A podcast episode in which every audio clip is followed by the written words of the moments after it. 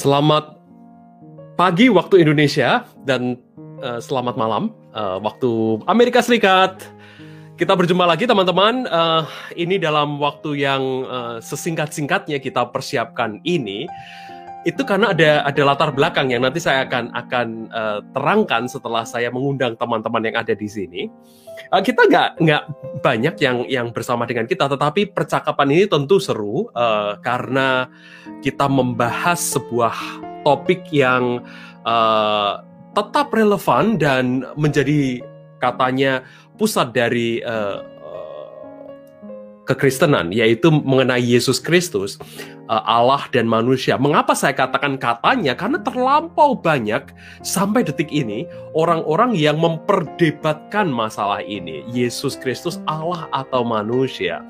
Nah, sahabat kita yaitu Bung Perdian yang tentu teman-teman semua sudah paham siapa beliau. Saya tidak mau memperkenalkan lebih panjang lagi tetapi saya mau mengundang sekarang ini sahabat sahabat yang ada di sini yaitu pertama saya akan mengundang dulu Bung Dandi Kuganda. Uh, Bung Dandi uh, yang beberapa kali sudah bersama dengan kita.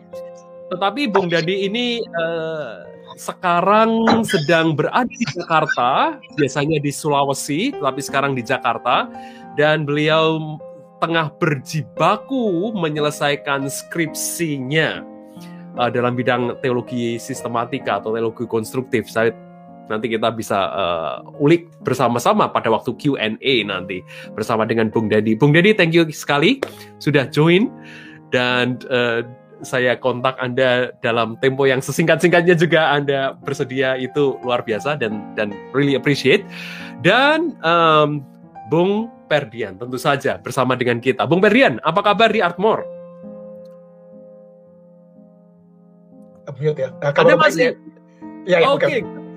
Kabar oh, baik di Airport dan hmm, dan hari ini cuaca bagus jadi sempat jalan-jalan tadi.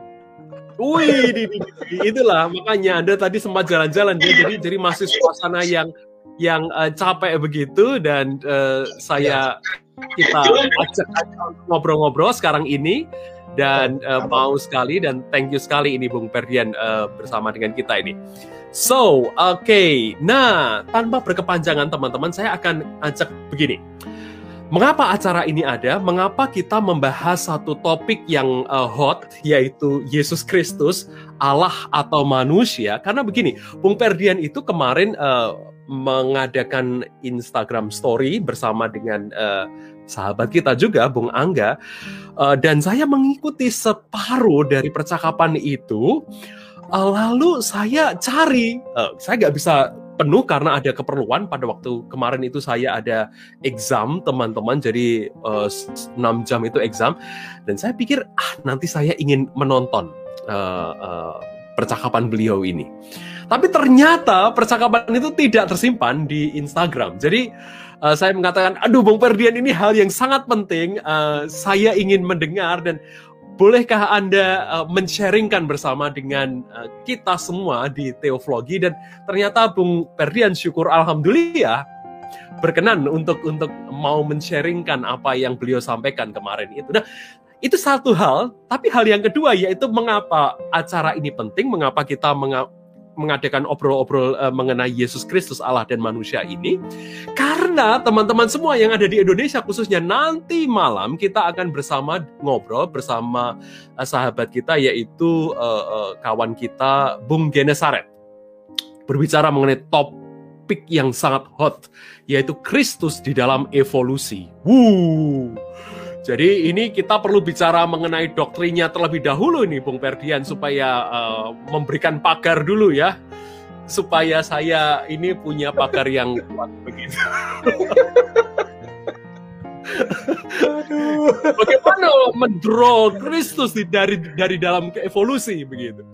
Nah, iya, tanpa iya. berkepanjangan Bung Perdian, uh, saya ingin menyerahkan uh, waktu ini kepada Anda. Uh, uh, kemarin apa yang Anda sampaikan dan mengapa percakapan itu uh, sampai terjadi dan apa yang melatar belakanginya, Bung Perdian? Langsung aja silakan. Waktu thank saya you, serahkan. Ya, thank you Bung Enes dan thank you Bung uh, Dandi ya uh, sudah bersama-sama dengan kita. Uh, jadi kemarin sebenarnya uh, ini uh, Bung NS acara satu gereja, pemuda gereja yang dan ternyata mereka itu tertarik untuk membahas ini ada dua motivasi. Pertama karena dekat Paskah kan, ini dekat dekat Jumat Agung dan Paskah ya, sudah memasuki Minggu Suci kan ini. Dan yang kedua karena uh, ini Bung NS dan Bung Dandi apa rame-rame yang terus terjadi sampai hari ini dulu, ya kan, yang uh, di medsos ini kan, di YouTube ini kan, jadi teoloh-teoloh apa sosmed dan teoloh-teoloh ahli biblika YouTube ini kan. Ya mungkin kita juga termasuk lah salah satunya. Jadi uh, intinya teman-teman pemuda resah karena uh, mereka sudah merasa kalau yang saya dengar dari uh, organizer ya mereka merasa ini kok sudah bahasa-bahasanya kok sudah sangat uh, kasar sekali begitu loh, saling menyerang, menganatema begitu ya, dan mengat hominem satu dengan yang lain. Jadi percakapannya sudah bukan percakapan konstruktif lagi, uh, Bung NS dan Bung Dandi. Jadi kira-kira itu itu dua latar belakang yang yang mendasari acara kemarin. Jadi sebenarnya lebih persekutuan pemuda sebenarnya. Nah, cuma saya akhirnya mengiyakan juga Bung NS acara kemarin dan saya pikir juga saya makanya waktu Anda tadi tanya gitu ya, awalnya saya karena saya masih ada tugas juga uh, rencana mau buat paper gitu tapi saya juga pikir iya ini penting ya untuk kita diskusikan ya. Karena ini kayaknya rame-rame yang uh, sudah sudah sudah seperti polarisasi begitu. Ya kan? Ini sudah seperti polarisasi. Uh, dan tampaknya perlu ada third voices gitu. Jadi perlu perlu ada suara suara yang lain suara alternatif yang lain. Dan dan saya berharap Bung Enes uh, saya merasa tidak tidak menjadi narasumber ya. Saya merasa hanya menjadi pemantik diskusi. Nanti Bung, Bung Dandi, Bung NS, kita semua bisa kira-kira apa alternatif yang kita bisa tawarkan di tengah ketegangan uh, polarisasi yang begitu ekstrim sekarang ini kan? Uh, di kalangan beberapa rohaniwan, teolog, bahkan kesan saya Bung NS ini bahkan memancing jemaat sebenarnya. Uh, tidak sedikit saya dengar bahkan jemaat yang uh, saya saya kagum sebenarnya uh, belajar teologi gitu ya secara mandiri walaupun bukan seorang rohaniwan atau teolog, tapi kemudian terjebak juga dengan polarisasi ini dan buat ya karena kan sekarang media, media uh, keterbukaan dan dan that's fine gitu ya that's so fine that's many many good things dari dari keterbukaan. Kemudian membuat juga uh, uh, siaran-siaran itu yang saya berharap sebenarnya teman-teman yang yang tenang maaf saya tidak suka kalimat ini ya tapi awam begitu ya uh, itu memberikan alternatif yang lain begitu loh. Tapi malah alih-alih memberikan alternatif ketiga malah ikut terbawa dalam polarisasi ini begitu uh, polarisasi uh, percakapan ini gitu. Jadi saling tuding menuding, saling sesat menyesatkan dan lain-lain. Gitu. Itu kira-kira Bung Dindo yang jadi uh, background begitu ya. Nah, saya langsung aja ya kira-kira ya uh, pembahasannya. Jadi kemarin itu sebenarnya kami uh, membahas uh, memang ini skupnya uh, lagi-lagi perkembangan di teologi barat ya. Uh, karena kan memang ada ada sedikit diferensiasi eh, tidak mayor sebenarnya dengan dengan gereja timur begitu. Uh, tadi saya dengar sedikit ya Bung Dandi ini lagi buat skripsi ya Bung Nandi tentang kerja timur ya. Nah nanti mungkin Bung Nandi lah bisa cerita nanti. Uh, jadi intinya uh, percakapan itu lebih banyak ke development di di, di gereja barat, uh, khususnya dari Nicaea sampai ke Chalcedon. Nah dan kebetulan juga Bung Enes dan Bung Nandi saya semester lalu ambil mata kuliah uh, historical theology uh, dengan uh, salah satu murid dari Profesor Bernard McGinn ya, yang pernah kita undang juga di teologi, embahnya historical theology gitu di di dunia bahkan uh, Kevin Kevin Hughes. Jadi ya setidaknya anu apa cucu cucu muridnya berat begitulah. nah, saya ambil mata kuliah itu dan menarik sekali gitu karena saya dapat perspektif yang baru yang kalau boleh saya simpulkan uh, Trinitarian conversation beyond heresy and orthodoxy. Nah itu itu jadi itu yang jadi refleksi saya pada saat saya mengikuti mata kuliah itu. Nah ada tiga resources yang kami pakai, tiga atau empat begitu ya, eh, selain primary resources. Jadi kami baca juga misalnya tulisan-tulisan Athanasius, kami baca tulisan-tulisan dari uh, uh, Basil dari Kaisarea, Gregory Nazianzen, dan juga uh, Gregory uh, uh, uh, Gregory siapa satunya cak? Uh, Nisa, Nisa. Nisa, Nisa. Oh, sorry, ya, Nisa, betul. Dan kemudian kami juga baca uh, Origen sedikit banyak. Kami baca Agustinus paling terakhir sebagai uh, De Trinitate. Dan kalau secondary resources kami baca dua teolog uh, historical theologian yang juga sebenarnya uh, sangat dihormati sekarang yaitu uh, Louis Ayres uh, dari UK dan Khaled Anatolios uh, dari Notre Dame University, University of Notre Dame. Dan kami juga baca Christopher Rowland, uh, sorry, Christopher kok, uh, siapa? Uh, Rowan Rowan Williams, maaf, sorry. Dan uh, satu lagi Bung India sebenarnya yang yang uh, saya lagi baca belakangan. Nah ini, ini yang jadi tetangga anda ya. Uh, uh, Foto. nah ini, jadi uh, saya saya menikmati sekali Roger Hayes gitu ya. Uh, kakek guru, kakek guru, kakek guru. Exactly. Jadi kalau oh iya betul betul ada ya. Kalau misalnya teman-teman bisa di Indonesia juga bisa dapatkan ini ini ini ini menurut saya salah satu yang sangat fenomenal gitu ya. Uh, bahkan dipuji oleh Elizabeth Johnson dan uh, Susur Fiorenza. Uh, uh, landmark untuk Kristologi. Jadi ini ini menurut saya juga baik karena memberikan banyak apropriasi ke konteks modern. Nah itu kira-kira untuk resources. Nah oke okay, uh, sekarang saya lanjut ke ke problem utama sebenarnya. Apa sih yang menjadi refleksi saya terhadap percakapan Nicaea ya uh, uh, yang yang lampau itu. Jadi singkat cerita, saya yakin teman-teman sudah banyak tahu. Resources banyak sekali di internet. Ya, saya pikir cuma saya mau meng-highlight saja. Jadi yang pertama, uh, perde, uh, gini, saya, saya mau saya mau kasih semacam frame dulu. Uh, Khalid Anatolius, Khalid Anatolius dan Luis Ayres itu menurut saya memberikan satu uh, frame yang penting yang membuat kita bisa melihat percakapan perdebatan uh, diskursus ini beyond heresy dan ortodoksi dalam arti begini. Yang pertama, dokumen-dokumen yang tercatat sebenarnya soal kontroversi ini sangat jarang, sangat terbatas sebenarnya. Banyak yang punah. Itu harus diakui. Dengan kata lain, men mencapai sebuah percakapan yang sangat-sangat objektif itu almost impossible sebenarnya. Begini, maksudnya begini, kalau kita benar-benar scholar, kita kan pasti akan mencoba untuk mendengar dua pihak ya. Dan dan dan kemudian kita kita benar-benar uh, uh, memberikan assessment yang fair begitu. Nah faktanya kalau menurut uh, Iris dan Anatolios uh, dokumennya sudah banyak yang punah begitu. Uh, ada beberapa yang yang masih ada misalnya tulisan uh, surat tapi fragmen lebih banyak ke fragmen ya uh, ekstraksi gitu. Misalnya contoh surat dari Arius ke Eusebius Nicomedia itu masih ada tapi lagi-lagi fragmen. Nah yang kedua jadi kita tidak bisa meta, apa memahami sebenarnya konteks pemikiran Arius itu apa begitu begitu bukan Yang kedua, kita pun kebanyakan sebenarnya tahu. Ini kalau misalnya kita ditanya sumber yang paling lengkap itu justru dari tulisan-tulisan yang kemudian berikutnya diakui oleh gereja sebagai ajaran ortodoks. Contoh, kita banyak tahu Arius sebenarnya itu justru dari tulisan-tulisan Athanasius. Ya kan? Uh, jadi jadi kalau sebagai scholar ini kita harus juga uh, aware dengan uh, limitasi dari resources ini begitu. Itu buat saya yang buat kita kemudian bisa generous gitu, generous melihat masa lampau dan juga bagaimana mengapropriasi dengan zaman sekarang.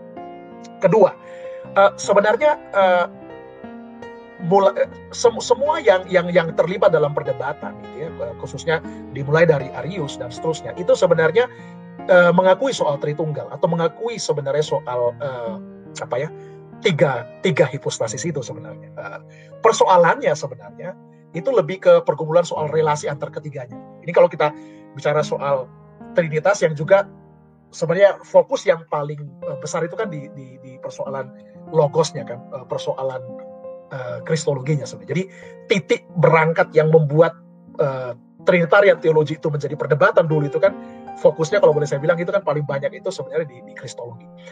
Nah itu jadi sebenarnya mereka sama-sama mengakui kok. Tapi lagi-lagi uh, ketidaksepakatan ini lebih bagaimana relasi di antara ketiganya. Nah kalau saya tarik ke kristologi juga sama.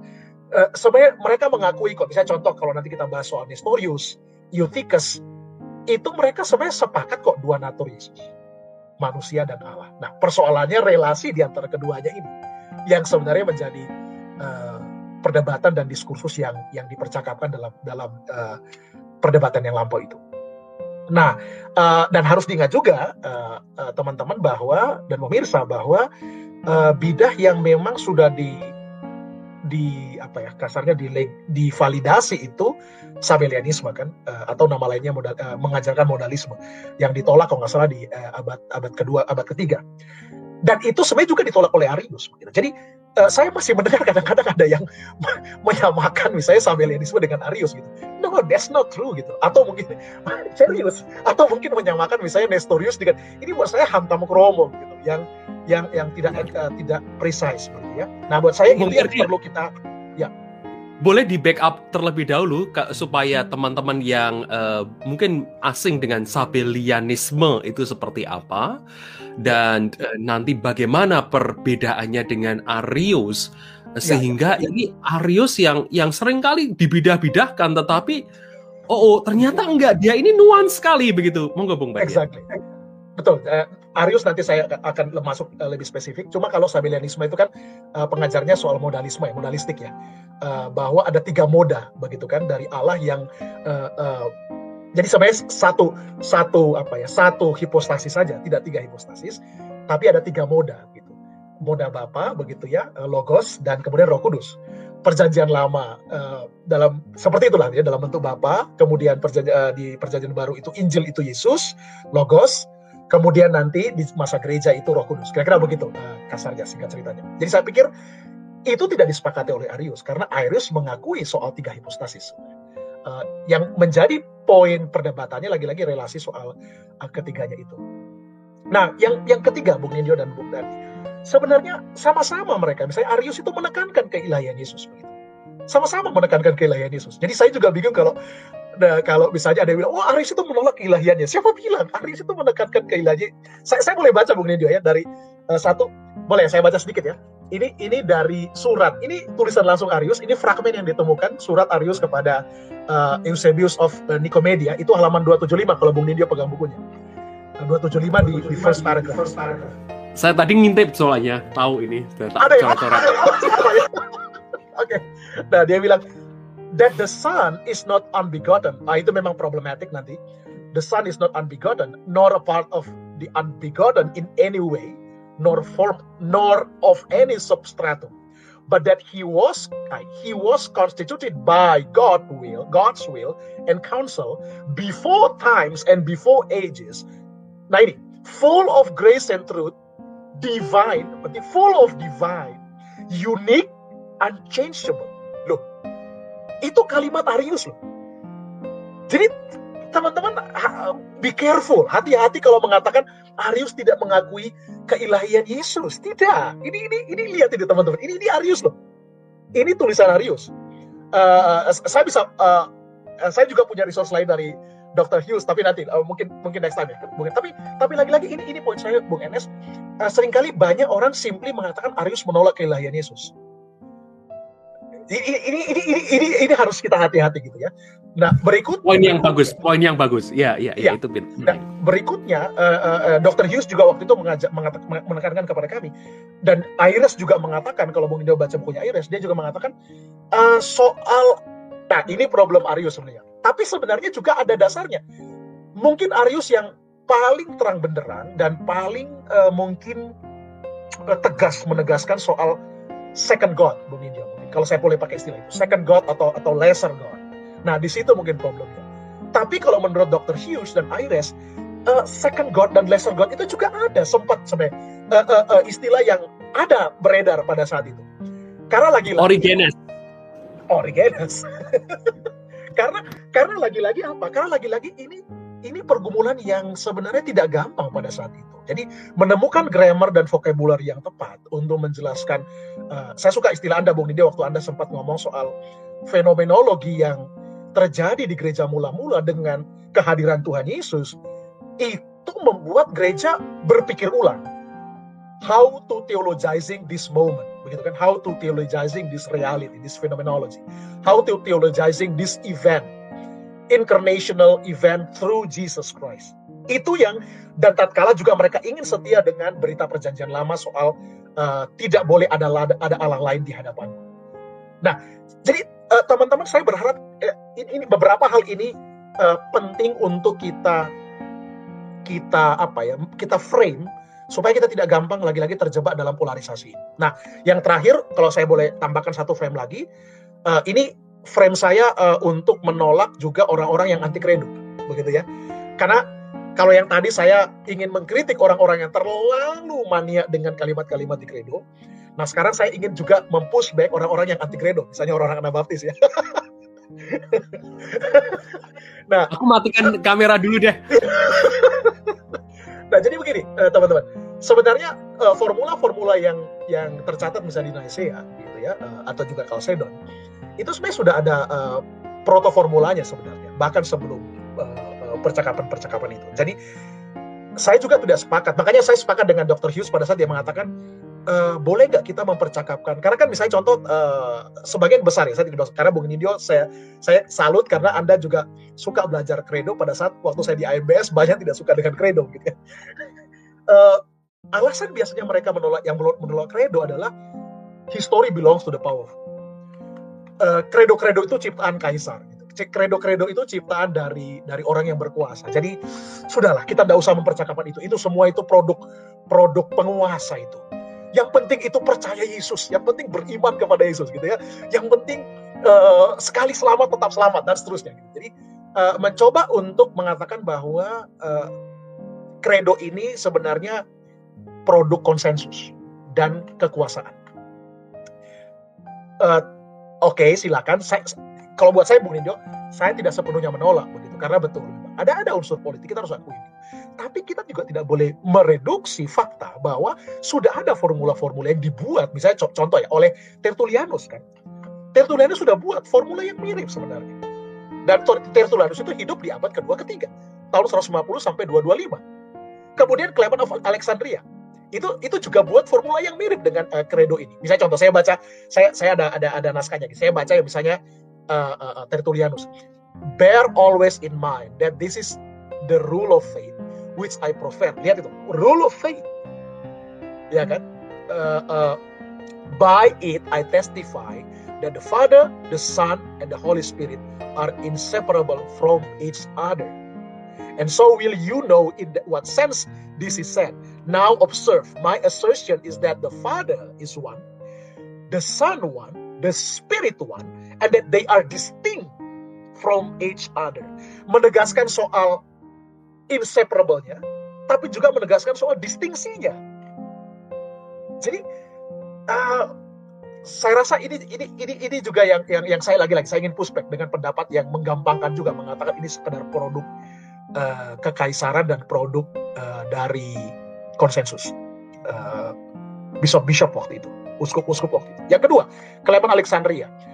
Uh, dia mengatakan begini, For it was not without divine care that so great a work was accomplished in so brief a space by the Lord, who though despised as to appearance was in reality adored, the expiator of sin, the Savior, the clement, the divine, the divine word, he that is truly most manifest deity, he that is made equal, ini saya suka, he that is made equal to the Lord of the universe because he was his son and the word was in God. Equal to the Lord of the universe. Equal kepada Bapa, Lord of the universe. Nah, jadi itu dulu Bung NS, itu dulu Bung Dandi uh, frame saya. Apa saya boleh lanjut atau mau mau diskusi dulu atau mau atau mau Wow, uh, saya ingin pause dulu uh, Bung Perdian dan ada beberapa beberapa hal yang yang saya highlight dari percakapan Anda supaya kita juga terjadi percakapan yang yang uh, nanti teman-teman yang menyaksikan ini silahkan uh, memberikan komen, memberikan pertanyaan. Sudah ada satu orang yang memberikan respons, tetapi um, nanti kita akan akan akan uh, melihat lagi. Tetapi saya ingin merap up beberapa hal yang yang uh, Anda sampaikan tadi, Bung Ferdian. Yang pertama yaitu um, bahwa percakapan mengenai keilahian atau kemanusiaan Yesus ini ya harus kita katakan ini berada di dalam percakapan yang tidak semata-mata Alkitab bilang apa langsung kita tarik ke sekarang ini. Seolah-olah dari data Alkitab itu kita mendapatkan data mentah oh ini buktinya Yesus itu uh, manusia oh ini buktinya Yesus itu Tuhan. Itu yang pertama. Karena uh, istilah begotten atau on be, uh, uh, apa namanya unbegotten, unbegotten dan juga only begotten itu gak ada di dalam Alkitab gitu kan. Uh, uh, itu itu itu perkembangan yang kita bisa bisa diskusikan lebih lanjut. Justru itu memercikkan perkembangan. Uh, lalu yang kedua, uh, saya mendapatkan juga bahwa dokumen-dokumen uh, itu sendiri murki. Uh, agak-agak itu, itu itu itu iya kan agak-agak obscure gitu bahwa kita tidak banyak mendapatkan suara dari yang kita tentang atau yang gereja tentang. Nah, sehingga gereja pun harus mawas bahwa uh, part per apa? Uh, tadi yang Anda katakan fragmen-fragmen itu harus dibaca dengan lebih uh, generous lagi, istilah Anda tadi saya setuju sekali, generous dan harus mendengar dari dua pihak. Dan bahkan teks-teks uh, yang kita miliki itu justru pasca perdebatan ya. yang tersedia bagi kita, misalnya teks-teks Athanasius. Nah, oleh sebab itu kita juga harus melihat misalnya apa yang didapatkan uh, dari uh, uh, apa yang kita per, yang yang dipercaya oleh Arius itu tidak secara langsung banyakkan uh, diambil dari Arius tetapi dari justru uh, lawannya yaitu dalam hal ini adalah Athanasius. Bung Perdian. Saya mau berhenti sampai di sini dulu. Menurut tanggapan Anda, karena ini juga juga akhirnya perdebatan yang serunya itu jadi dogmatis, Bung. Karena begini, uh, ini nih Athanasius itu yang benar, maka saya berdiri pada Athanasius. Athanasius kebenaran karena dia ini yang yang membela uh, uh, uh, doktrin ini dan ini doktrin yang benar, doktrin yang sahih, doktrin yang yang diterima oleh gereja. Lalu dari Athanasius itu seolah-olah semuanya itu sudah smooth begitu. Tanggapan saya Anda? Saya boleh counter gak itu? Saya boleh counter gak itu? Tanggapan, makanya saya minta tanggapan Anda. Uh, jadi begini, uh, uh, saya mohon juga pemirsa tidak salah paham ya. Pertama ya, uh, kalau di, saya ditanya, at the bottom of my heart, saya setelah saya ikut mata kuliah kemarin, Bung NS dan Bung Dandi ya, setelah saya menimbang-nimbang dengan dewasa, saya putuskan saya memang merasa saya akan lebih tepat untuk saya merasa seba, dalam hati nurani saya untuk menjadi seorang pro Nicene theologian. Jadi jangan khawatir dengan pro Nicene saya gitu. Jadi saya seorang pro Nicene theologian. Tapi kalau boleh betul, betul, betul. Anda, Anda mengatakan begitu sementara saya anak baptis berarti saya anti Nicene begitu ya. Ini mau mengatakan begitu ya. Kecuali Anda mau jadi bidangnya anak baptis. nah, cuma begini, cuma kalau saya bisa bisa jadi saya deklarasi, saya deklarasi di, di muka umum loh, saya anak baptis loh. Iya. Tapi makanya saya bilang tadi, saya kagum sama Anda karena Anda mau masuk sekolah Katolik dan Anda bahkan belajar kredo-kredo itu buat saya itu amazing. Nah, yang kedua Bung Enes, uh, uh, tapi kalau boleh saya push back sedikit. Walaupun saya merasa saya seorang pro Nicene, saya mantap mengatakan setelah saya belajar pro Nicene yang tepat begitu. Tapi kalau saya juga boleh pushback kembali, dan mungkin kalau Anda juga baca di bukunya Roger Heights, dia kan juga ngomong sebenarnya. Uh, itu sebenarnya bahasa uh, uh, grammar dan vocabnya juga bermasalah kan Dan itu yang kemudian leading up, itu yang leading up kemudian kepada percakapan yang berujung, berujung di Chalcedon. Jadi sebenarnya gini, kalau kita tanya saja sebenarnya, kenapa sih sampai kemudian ada percakapan-percakapan sampai uh, tujuh konsili gitu ya yang yang diakui oleh semua gereja itu kan? Konsili am itu. Kenapa? Kenapa sampai berujung? Kenapa nggak cuma berhenti di Nicaea begitu? Nggak jelas karena ada perdebatan setelah itu. Jadi teman-teman uh, pemirsa ini harus kita pahami. Jadi pergulatan itu nggak berhenti di, di Nicaea. Saya kasih contoh ya. Kata homoousios kata homoousios yang dibela mati-matian oleh oleh Athanasius itu problematik karena akhirnya contoh misalnya Marcellus of Ankira misalnya gitu kan uh, itu dan, dan, dan itu itu kan ditentang kemudian oleh kelompok Eusebian itu akhirnya memang menjadi ekstrim sekali karena merasa seolah-olah Yesus dan Bapa itu sama secara natur, usianya sama karena homo-usios, tapi kemudian tidak bisa mendistingsi. Jadi terus bagaimana distingsinya? Ya kan? Nah, itu yang ditentang kemudian uh, Bung Nindyo oleh Eusebian, kaum Eusebian. Yang banyak juga dituding sebagai pengikut Arius. Padahal sebenarnya inilah, ini lagi-lagi, saya klarifikasi lagi. Kelompok Eusebian itu tidak sama dengan Arius. Tidak ada, jadi gini, tidak ada yang namanya Arianisme, nggak ada. Orang yang kemudian mirip teologinya dengan Arius, tidak berarti mereka Arius itu itu contoh uh, uh, uh, Eusebius yang yang yang uh, uh, Nikomedia. Itu yang yang kemudian uh, menjadi uh, sorry pengikutnya. Itu mengatakan loh, kami kami juga banyak tidak setuju kok dengan fiturnya Arius kok. Nah lagi-lagi Bung Enes generalisasi begitu ya, uh, uh, simpli, simplifikasi itu yang kesan saya membuat akhirnya kekayaan sejarah dalam diskursus ini itu menjadi hilang dan akhirnya kita ini berujung pada polarisasi. Nah, saya lanjut. Marcellus Ankira itu kemudian misalnya contoh dan beberapa ah ini ini beberapa murid dari Marcellus bahkan ekstrimnya menolak tiga hipostasis. Jadi balik lagi kan, mereka berarti mirip siapa lagi? Mirip kalau bilang mirip mirip sama Sabelian. Nah, orang-orang dari kelompoknya uh, Eusebius, uh, Eusebian mengatakan loh ini Sabelian ini. Kenapa Sabelian? Karena homoousios. Homoousios menjadi Sabelian loh, hati-hati loh. Anda bela-bela homoousios, tapi Anda exactly. tidak hati-hati, Anda bisa jadi Sabelian.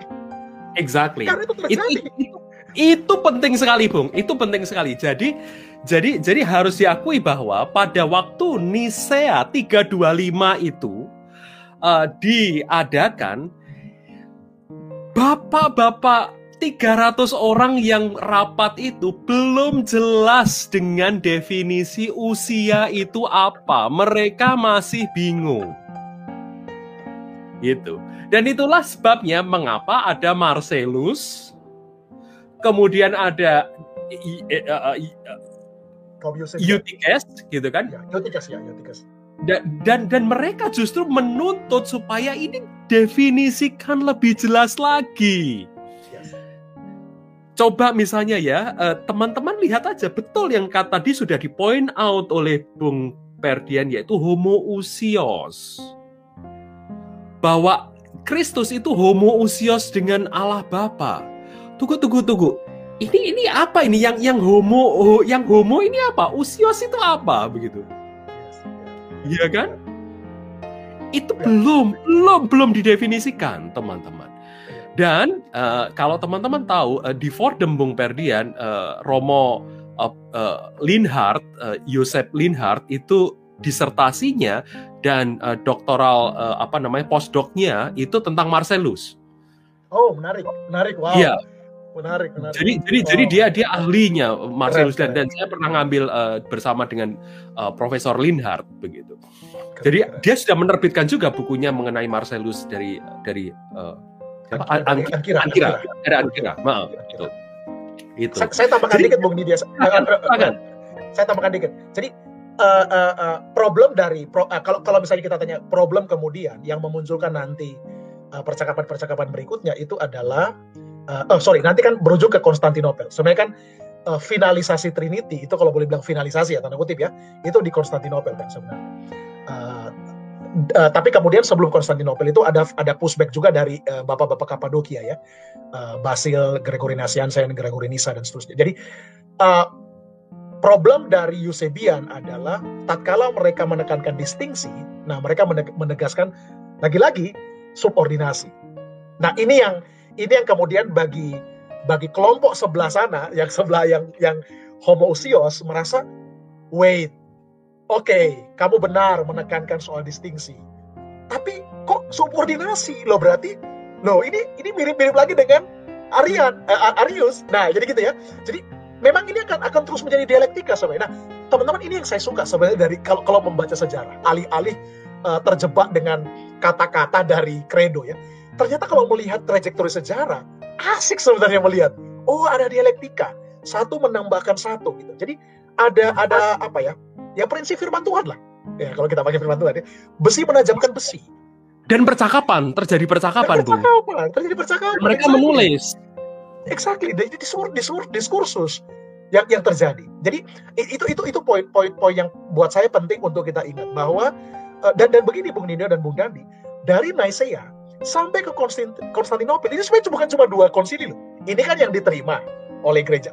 Ini banyak sekali di konsili-konsili se sebelum ini antara 352 sampai 3, uh, 325 sampai 381. Ini banyak sekali loh sebenarnya.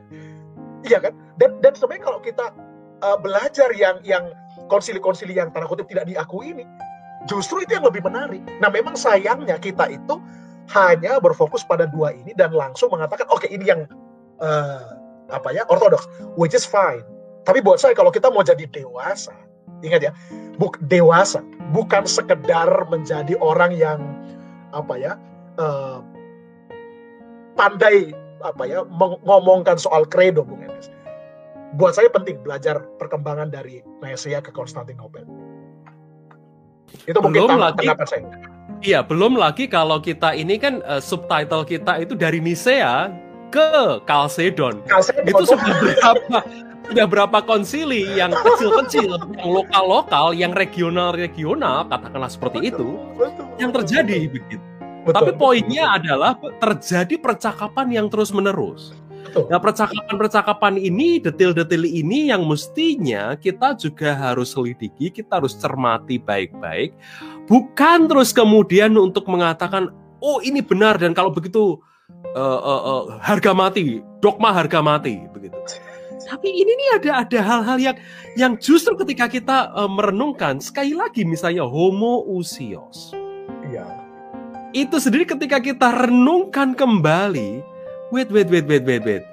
Apa artinya homoousios ini? Dan pada waktu itu antara usios, usia teman-teman dengan hypostasis belum ada distingsi yang jelas 325 di Nisea sekali lagi. Betul, betul, itu betul, belum betul, ada. Betul, betul, belum ada. Dan itu sekali yang buat dan itu yang buat tadi Eusebian protes. Yes, dan yang menyelesaikan itu adalah Kapadokia. Kapadokia. Bapak, Kapadokia betul, gitu. Nah, Basil yang memulainya di liturgi, yes, yang yes. kemudian dituliskan oleh uh, Nisa kalau nggak salah. Ya. Begitu. Nah, saya senang Anda bawa Basil karena menurut saya Basil penting, Basil Kira penting. Uh, jadi, nah ada satu uh, konsili yang memang tidak diakui sebagai konsiliam, tapi menurut saya penting Bung NS dan Bung Dandi itu Concile of Ankira sebenarnya. Council for Ini ada nama Basil ya, Bung? Uh, sorry, ada betul, ada Basil, ada Basil of Kaisaria. Ya. Kaisaria dengan Angkira ini yang Anda katakan Angkira, Angkira ya. ya. Ini Angkira. Hmm. Nah, kenapa saya pikir dia penting? Karena begini, karena uh, Basil of Ankira yang mencoba menengahi sebenarnya kelompok uh, Eusebian uh, dengan kelompok uh, ekstrim uh, sorry dengan kelompok yang yang tadi Marcellus tadi uh, pengikut Marcellus. Jadi kelompok yang sudah ini sudah berbahaya karena dia sudah mau jadi seperti Sabelian ini ya kan menolak tiga hipostasis dengan kelompok yang ekstrim menekankan uh, apa uh, distingsi tapi kemudian menekankan subordinasi ekstrim. Ya, misalnya tadi uh, pengikut uh, Eunomius. Nah, dia kemudian Bung Enes yang pertama kali kalau nggak salah mengusulkan ini uh, homoiousios. Nah, homoiousios itu penting buat saya dan dan ini terminologi yang bisa dianggap menengahi. Kalau nggak salah Basil Kaisaria juga ngomong itu soal homoiousios kalau nggak salah. Betul, dia dia betul. juga dia elaborasi juga di di bukunya Holy Spirit kalau nggak salah kan dan dan kenapa ini menjadi penting karena homoiousios itu bisa menegaskan soal distingsi tapi juga menegaskan soal unity. Iya kan? Jadi similarity, likeness, alih-alih sama. Karena kalau sama, homo homo usios, ya itu seperti Bung, Anda bilang tadi Bung Enes. Loh, terus kalau begitu bagaimana distingsinya? Nah, dengan homoi usios itu kemudian dengan dengan uh, uh, dengan confidence uh, bagi Basil Ankira kita bisa mengatakan bahwa ada distingsi antara father and son uh, tapi mereka juga similar dalam essence similar. Nah ini, apa ya Bung Enes ya Bung Dandi ini yang saya suka sebenarnya karena anda lihat ya ini ini permainan gramatikal permainan vocabulary. Uh, how to explain about our God gitu kan? Nah buat saya itu lagi-lagi yang saya mau tegaskan yang yang, yang saya suka adalah uh, uh, sebenarnya pergumulan konsili adalah how to find nah ini ini Dr. Hughes selalu tekankan juga how to find the right grammatical how to find the right vocabularies to explain about God homoousios homousia hypostasis nanti ada prosopon nanti kan ada prosopon prosopon dengan hypostasis juga nggak boleh langsung ya ini kan menarik ya bukan jadi usia dan lain sebagainya. ya saya mungkin sampai ada ada mau komentar dulu nggak? Tanggapan dulu nggak? Bung, Bung Dani mau mau berkomentar? Ya, mau nggak Bung Dani kalau mau komentar juga boleh. Silakan. Atau ada uh, kita tampilkan dari pertanyaan dari Flor ini. Iya. Bung Dani, uh, mengenai homoiousios itu justru menarik gitu karena karena memang pada akhirnya ketika istilah itu digulirkan kelompok tadi Bung Ferdian ngomong soal uh, pro homoousios itu bilang lah kalau homoiousios berarti Arius dong. Jatuhnya kalau kayak gitu itu Arian dan Arian udah di udah di ban gitu di di Nicaea dan akhirnya ya istilah itu akan nguap-nguap gitu aja gitu. Padahal memang benar kalau elaborasi gitu homoi usios itu apa maksudnya? Ya saya rasa itu bisa jadi apa ya bisa dibilang ya semacam penengah lah daripada kelompok yang katanya pro homo usios. Yang satu di sini ada uh, kelompoknya Marcellus dari Ankira ya itu ketika ketika kelompok yang dekat dengan kekuasaan kemudian melakukan uh, melaksanakan konsili lalu memutuskan untuk menuduh homoi usios itu sebagai Arianisme ya itu beda lagi ceritanya gitu. Itu kalau dari saya Bu Ferian saya, saya, saya, saya suka. Thank you Bung Dandi. Betul sekali. Dan dan itu yang saya kecewa sebenarnya Bung Dandi. Kalau baca sejarahnya kenapa kok menuduh ini Aryan gitu loh. Padahal itu cara untuk menengahi sebenarnya. it's so bad gitu loh, it's so bad. Thank you Bung Dani untuk pointing out. Bung Ferdian, di sini saya mau mengkomplekskan orang-orang yang yang terlalu uh, dogmatis uh, mengatakan Nisea itu harga mati. Kompleksnya justru di sini betul yang yang yang yang uh, kita katakan bahwa sebenarnya homoiousios itu memberikan jalan tengah supaya uh, keesaan Allah ini tetap dijaga. Sementara juga keilahian Kristus itu tidak direduksi. Begitu tapi memang kalau ini homoi usios itu kan berarti Kristus itu seperti tampak serupa nah, dengan Bapa. Dan betul yang dikatakan oleh Bung Dari, loh ini kan berarti uh, apa gaya-gaya Arian ini begitu. Tapi teman-teman justru di sini pentingnya kita melihat kompleksnya percakapan ini tetapi justru menarik. Menarik percakapan ini, ya kan? Nah, sementara homoousios itu istilahnya siapa? Homoousios itu istilahnya Origenes. Oh iya iya, betul betul. Betul. Gitu kan? Betul. Nah, ini loh, ini ini yang saya ingin ingin ingin ingin ingin kita garis bawahi. Kenapa? Karena Origenes ini, teman-teman, buat gereja timur dia disebut sebagai uh, teolog yang mumpuni, walaupun uh, tidak disebut sebagai bapak gereja, cuman di gereja timur itu uh, Origenes itu diperingati. Sementara di gereja barat dia dibenci, bayangin. Dibenci karena itu tadi uh, posisi Allah monarkianismenya itu Bapa itu lebih besar daripada Kristus. Gitu kan? Tetapi ketika bicara mengenai homo uh, uh, uh, kesetaraan Bapa dengan anak, yang dipinjam justru punyanya Origen. Itu kalau apa Bung Enes It, ini apa dibenci dan dicinta sekali. Iya. Padahal konsepnya homo usia itu konsepnya Origen itu adalah konsep monarki. Begitu kan?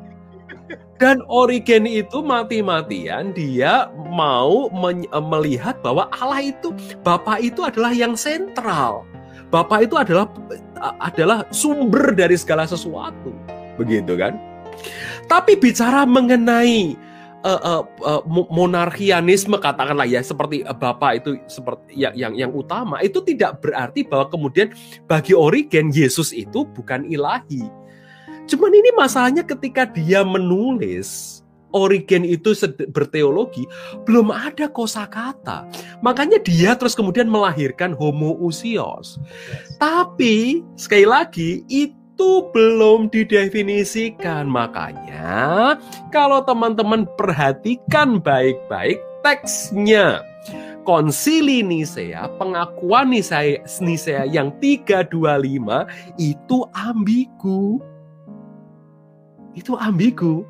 Karena ngambil uh, uh, uh, uh, pemikiran orang yang bagi gereja barat itu disebut bidat, tapi buat gereja timur, gereja timur juga ini ini kita menempatkan Origen ini gimana ini? Begitu. Ya kan? Nah, ini teman-teman. Lalu yang kedua nanti yang lucu lagi yaitu Hupostasis itu, itu punya siapa? Itu juga punya Origen, begitu kan? Ya kan? Hupostasis itu juga juga pinjaman dari Origenes itu. Jadi teman-teman kalau ada membidatkan yang lain gitu kan, ini nih dua kata ini tuh pinjaman dari bidat. Istilahnya begitu ya. Silakan, Bung Perdian. Uh, ini ini juga Mas. Mau, mau komen. Mau komen. Iya ya, itu, itu itu itu jadi lucu kalau kalau dipikir. Mungkin mungkin nanti bisa bisa ditulkan ke teman yang orang Protestan Katolik untuk uh, apa ya mengusulkan soal Saint Origen gitu ya. Kasihan juga dia seorang teolog mumpuni sampai sekarang nggak pernah mau diakui sebagai orang suci gitu. Tapi yang mau saya komentari gini mengenai mengenai Nisea yang ambigu itu misalnya uh, dasar uh, kredo Nisea yang pertama 325 itu kan diambil dari dari usulannya Ignatius dari dari eh sorry Eusebius dari Kaisaria Mark itu kan usulan dari Eusebius dari Kaisar Kaisaria pengakuan iman baptis yang ada di gereja kan. Nah masalahnya Eusebius itu oke okay, kita akui sebagai tapi dia pendukung subordinasionisme yang sangat keras. Tapi ya kita diam aja gitu. Kita nggak komen atau hargai dia nulis buku sejarah yang yang luar biasa gitu.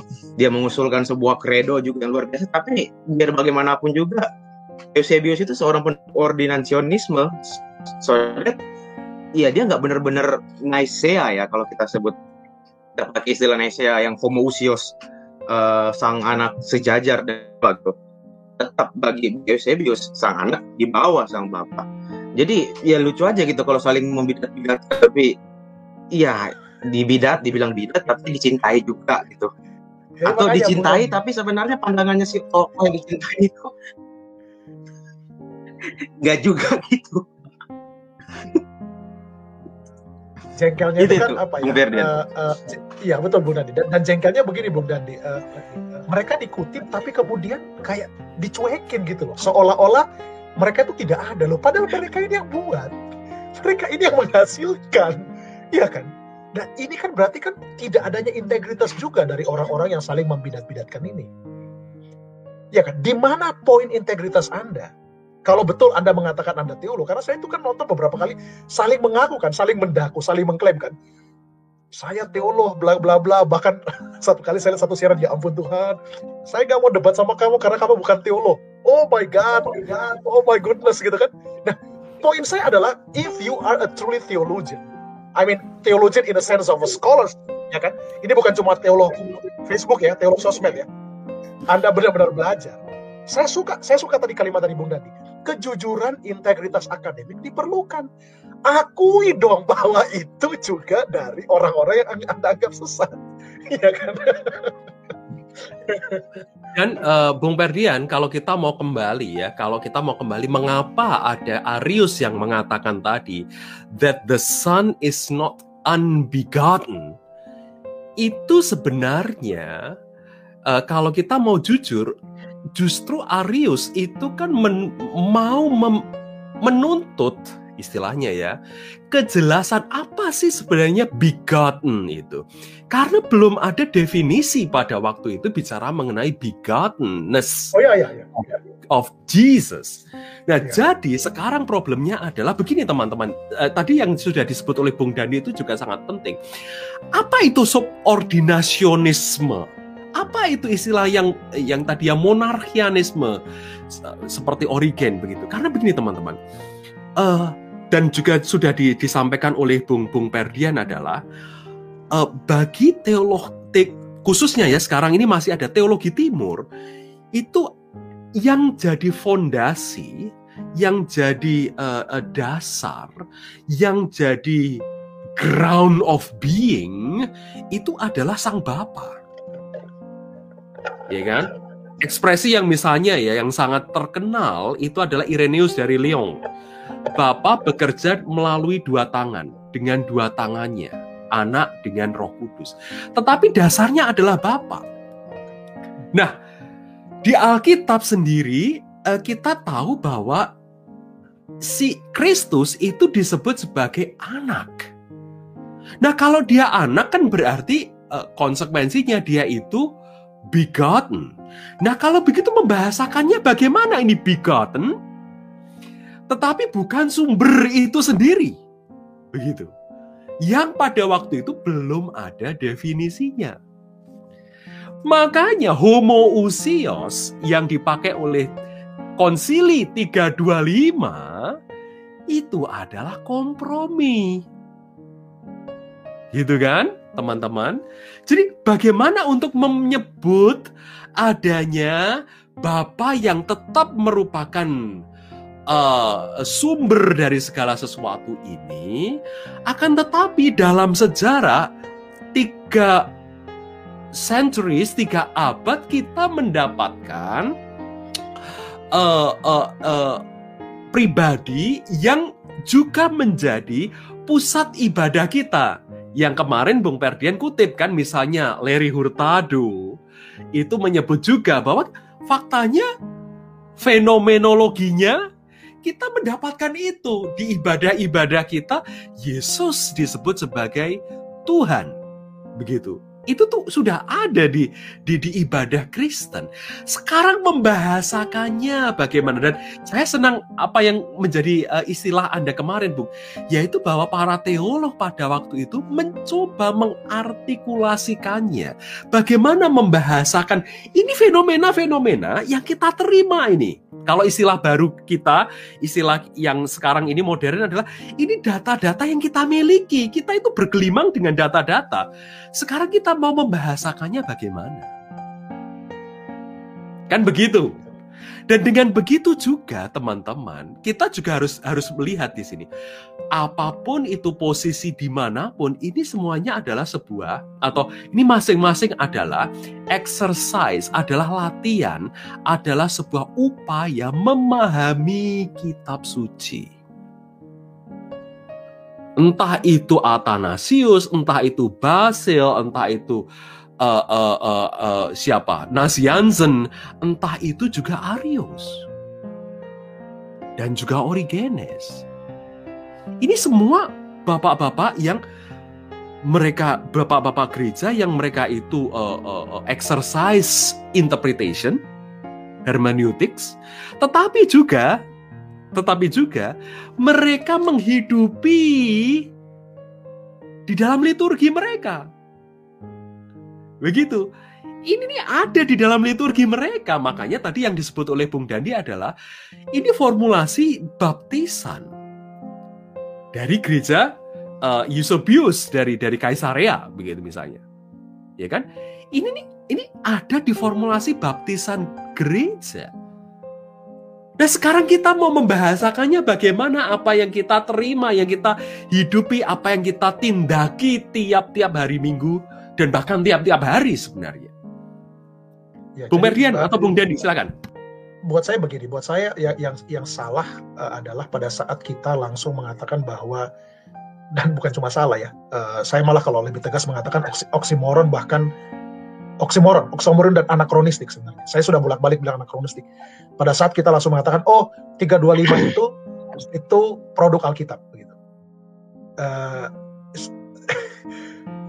bagaimana mungkin begitu? Uh, dan, dan buat saya sebenarnya sah sekali ya kalau ada orang yang bertanya, uh, misalnya contoh ada yang keberatan mengatakan bahwa Tritunggal itu tidak ada di Alkitab. Oh itu itu itu betul loh. Dan, dan itu harus didengarkan sebenarnya. Uh, uh, apa kata Tritunggal tidak ada di Alkitab. Tadi juga anda sudah mengatakan Bung NS soal kata-kata misalnya uh, homosios itu tidak ada di Alkitab, begitu kan? Uh, itu sebenarnya uh, kalau buat saya lagi-lagi saya lebih mengatakan ini semacam sebuah teolo upaya teologi yang konstruktif dan jenius sebenarnya dari yang terus didiskursuskan oleh pemikir-pemikir Kristen, uh, pemikir gereja uh, mula-mula begitu. Jadi uh, alih-alih kita langsung mengatakan ini produk Alkitab begitu ya, uh, saya lebih melihat ini semacam sebuah kalau tadi anda pakai istilah exercise ya, saya juga boleh pakai istilah sebuah upaya teologi konstruktif. Karena sebenarnya itu yang harus menjadi nantinya tugas kita sekarang. Mungkin nanti kita bahas ya. Tugas kita sekarang. Kalau kita melihat ini sebagai sebuah upaya teologi konstruktif, berarti mereka pun tidak akan keberatan kalau sekarang kita membaca mereka dan mengapropriasi mereka untuk zaman kita sekarang itu kalau nggak salah juga disampaikan Roger Heights uh, dalam teologi konstruktif kita zaman sekarang. Jadi selalu akan ada upaya untuk membangun uh, teologi yang maju begitu dari apa yang sudah dilakukan dulu. Alih-alih hanya sekedar fokus pada kredo kalimat-kalimat di kredo itu dan saling menyesat-menyesatkan. Saling menyesat-menyesatkan. Menarik, menarik. Thank you, thank you, Bung Perdian. Bung, kita mau draw dari beberapa komen ini. Boleh, kalau, boleh, boleh, boleh, boleh. Dandi mau komen kali dulu tuh. Dandi mau komen. Oh, Dandi mau komen. Silakan. ya ya, uh, ini aja sih sebenarnya. Kalau uh, kalau kalau kalau saya kita harus fair aja dengan dengan dengan Rius gitu. Kalau kalau memang dibilang Nisea itu pro apa namanya uh, atau Alkitabiah lah ya istilah yang paling umum dipakai Alkitabiah. Arius itu juga Alkitabiah. Karena biar exactly. bagaimanapun dia diambil dari himne Kolose gitu. Himne Kolose yang yang mengambil oh, tradisi ikat itu. Himne Kolose dibilang Kristus itu yang sulung dari segala yang diciptakan itu sangat jelas, sangat jelas nggak bisa nggak bisa dibantah juga gitu. Ya tergantung tafsirannya kemudian terserah gimana ya. Betul, betul sekali. Terus betul sekali. lalu yang kedua juga, kalau mau dibilang ya gimana? Uh, satu lagi lagi juga dia. Dan lagi Arius itu justru juga adalah orang yang Arius itu juga adalah orang yang yang berefleks karena kan formulasi doksologi waktu itu kan uh, Gloria Patri per filium in spiritu sancto kan. So that ketika dia bilang glory to God through the Son, itu bagi Arius berarti nggak ada equality gitu. Nggak mungkin mereka mereka itu sejajar kalau kalau rumusannya pada waktu itu adalah through the Son, harusnya and atau with the Son gitu. Yang kemudian oleh gereja menjadi Gloria Patri et Filio gitu kan. Arius benar-benar menggali gitu, benar-benar menggali dari dari dari tradisi iman Kristen baik dari, maupun dari liturgi gitu. Kita harus fair dengan itu. Lepas dari kemudian kita nggak setuju dan kita mem memformulasikan ulang, ya oke. Okay. Tapi harus fair dulu. Arius bukan seorang bida yang tidak alkitabiah. Dia sangat alkitabiah, sangat rohani, sangat Kristen bisa dibilang. Itu kalau dari saya. Kalau dari saya. Good, very Silahkan, good point. Dan dan harus Berdian. harus kita akuin uh, Bung Dandi dan juga Bung Perdian bahwa pada waktu itu belum ada definisi dan belum ada kepastian kategorial. Ini kategorinya ini, kategorinya itu, sehingga kalau kita bicara mengenai satu pribadi itu sini, satu uh, uh, uh, uh, apa natur itu itu, misalnya seperti itu, ya kan? Sehingga ini ini memang memang semuanya ini sedang mencari dan berjuang bersama-sama. Dan ketidaksetujuan itu itu ya itu sah-sah saja. Itu sah-sah saja. Tetapi yang sangat menarik bagi saya adalah kita harus mereiterasi dan dan menggarisbawahi sebenarnya bahwa pada akhirnya kita tahu kok bahwa perbedaan-perbedaan itu uh, memang pada akhirnya siapa menang siapa kalah uh, tapi terjadi percakapan terjadi percakapan. Dan itulah disebut sebagai percakapan uh, dan, dan itulah sebagai exercise ekumenis menurut saya. Latihan ekumenikal uh, dan dan Nisea itu disebut sebagai uh, konsili ekumenis. Bung Merdian. Uh, saya, kalau saya mungkin begini juga Bung Enes. Uh, saya saya juga tidak mau menafikan bahwa uh, tetaplah ada ada hal yang tidak baik yang tidak boleh kita contoh sebenarnya di, di, di masa itu ya. Saling mengekskomunikasi. Itu itu it was not a, a good exercise lah ya kan? Uh, apa ya? Karena itu itu menurut saya justru malah mematikan diskursus begitu. Uh, tapi betul tapi aku sepakat dengan uh, Bung NS dalam arti uh, di zaman itu konsili-konsili itu hal yang lumrah hal yang wajar. Maka tadi saya kan saya kan agak pushback juga itu ide bahwa ini sekedar karena produk kaisar misalnya. Ini sekedar karena produk kekuasaan. Ya karena memang ada forumnya, ada konsilinya. Nah, konsili-konsili itu lagi-lagi terlepas dari yang kalah di ekskomunikasi dan lain sebagainya begitu ya. Tapi hadirnya konsili-konsili dan dan uh, pertemuan-pertemuan itu itu menandaskan bahwa dulu orang itu terbiasa berdiskursus. Uh, kalau misalnya memang ada yang tidak sepakat, ketemu ngomong gitu loh debat, berikan bukti, ya kan? Ya tidak seperti sekarang gitu kan? Atau ada ada dokumennya. Ada dokumennya. Gitu. Nah, saya tambahkan lagi tadi seperti Bung Dan dikatakan, ada teksnya. Tapi kan tidak seperti yang kita lihat di lagi-lagi ya teolo-teolo sosmed ini kan, eh, ahli-ahli Alkitab sosmed ini kan. Tidak boleh kamu bilang itu itu sudah kamu sesat. Waduh, how come? Saya sebenarnya mengharapkan lagi-lagi saya suka dengan menonton percakapan di sosmed. Cuma yang saya berharap itu adalah, ayo giving them some proof gitu. Misalnya contoh, kalau kamu mengatakan bahwa uh, uh, uh, ini yang paling ortodoks, what is the proof? Gitu. Uh, Athanasius bilang apa? Tunjukkan buktinya dari buku Athanasius. Tunjukkan dari tulisan-tulisan Athanasius.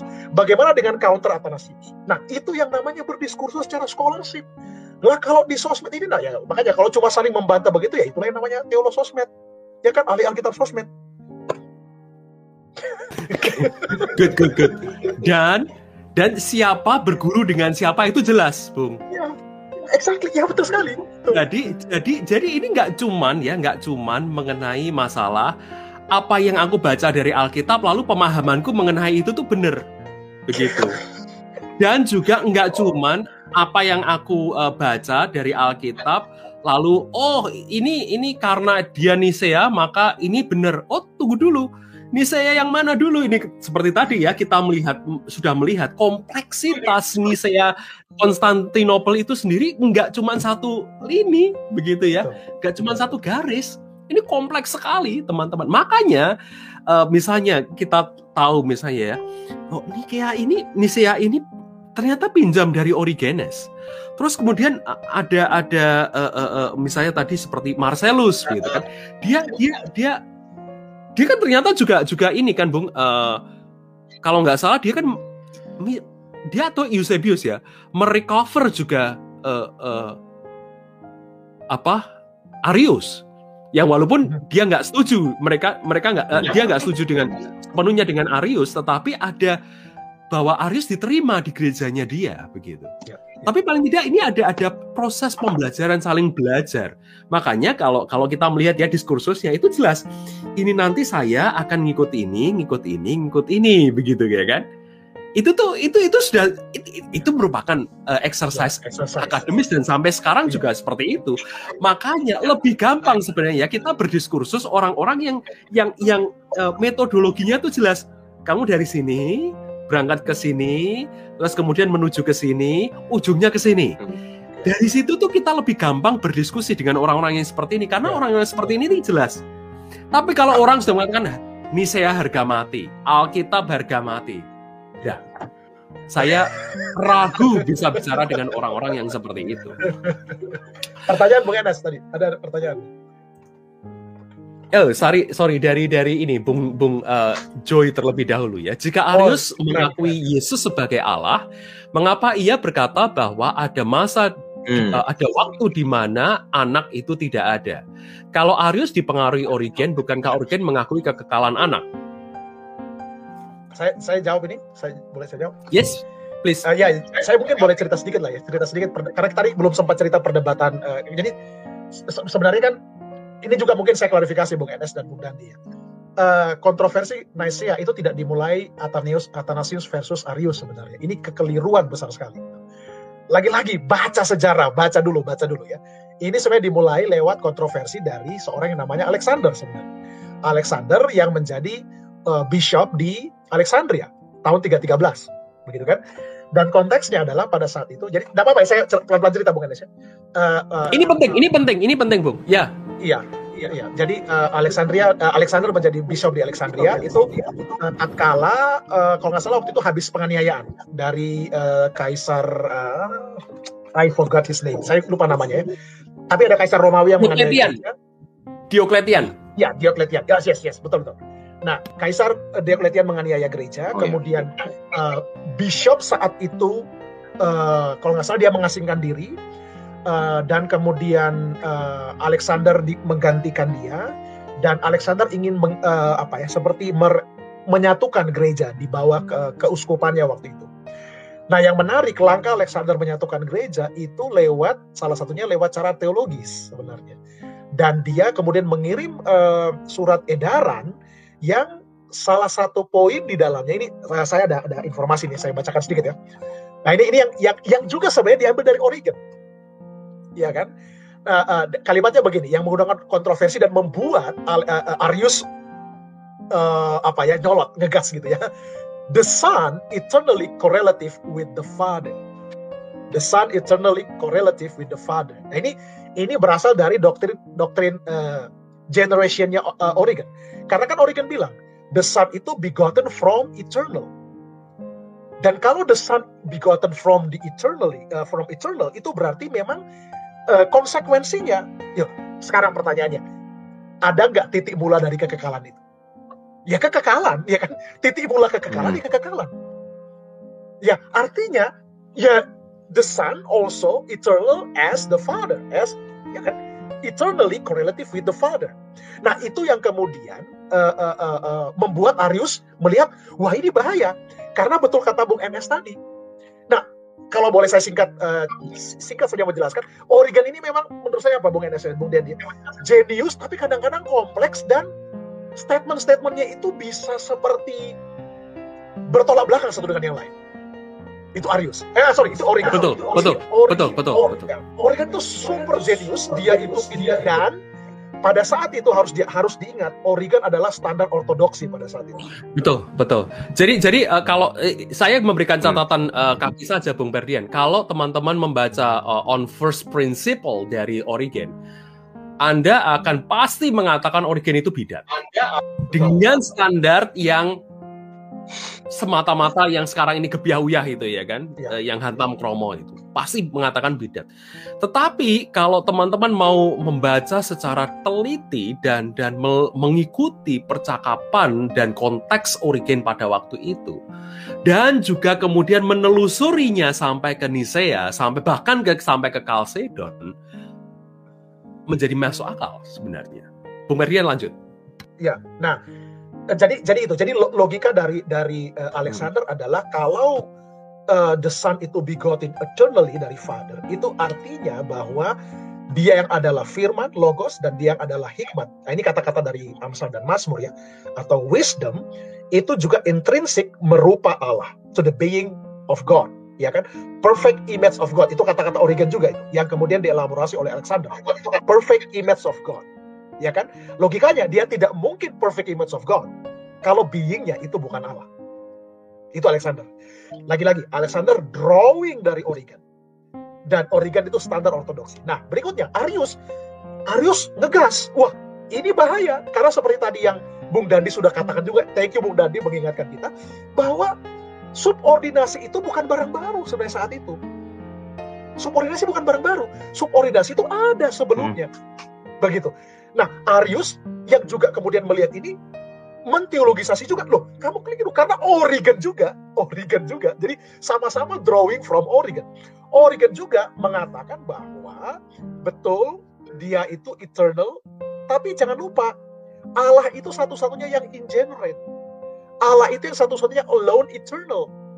Alone without, without beginning, beginning. Bapak ya, ini beginning. maksudnya ya, Bung. Bapak, Bapak, Bapak ya, Bapak, ya, Bapak. Jadi definisi Bapak itu seperti itu, alone uh, apa ya, immortal dalam arti. Uh, nah, jadi uh, ada ada ada lagi-lagi ini ini ini soal how to explain it, how to tadi Bung Anas juga bilang uh, how to uh, uh, find the right words, begitu kan, the right phrases, gitu kan.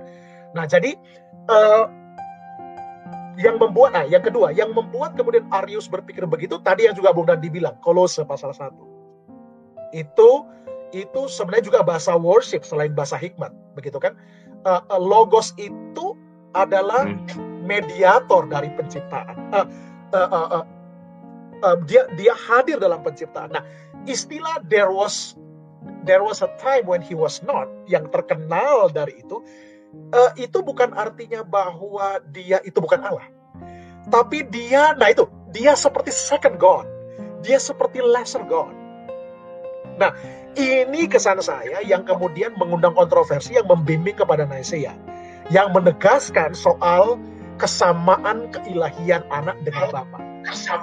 Dan, dan lagi-lagi seperti saya katakan di awal tadi Bung Enes dan Bung Dandi, uh, termasuk Joy tadi yang bertanya, uh, penggunaan lagi-lagi soal second God dan God, saya bisa tunjukkan, saya bisa tunjukkan bukti dari buku Aires. Itu biasa sekali sebenarnya dalam dalam dalam konteks. Tidak ada yang resah waktu itu. Nah kita sekarang yang yang resah, loh kok ada second God, ada lesser God? Waktu itu tidak ada masalah. Jadi seperti tadi yang Bunda disampaikan soal hmm. uh, subordinasi. Nah konsekuensi subordinasi berarti ada apa? Ada lesser God kan? Dan itu fine sekali. Itu tidak ada masalah pada saat itu. Dan ada sekelompok pandangan yang mengatakan ini ortodoks. Yang ketiga, Bung NS dan Bung Dandi, jangan lupa, di Alkitab itu ada bahasa-bahasa misalnya Yesus seperti subordinat dengan Bapa. Betul kan? Tadi Bung Dandi juga saya sampaikan. Menurut saya Bung Dandi bukan cuma kolose. Kalau Anda baca Injil, itu banyak sekali. Yohanes. Yohanes hmm. banyak sekali itu. Iya kan? Aku tidak tahu soal masa depan. Hanya Bapa yang tahu. Kesudahannya betul eskatologi hanya Bapak yang tahu. Nah, itu bagaimana? Nah, jadi lagi-lagi teman-teman, uh, ini ini ini ini dilema.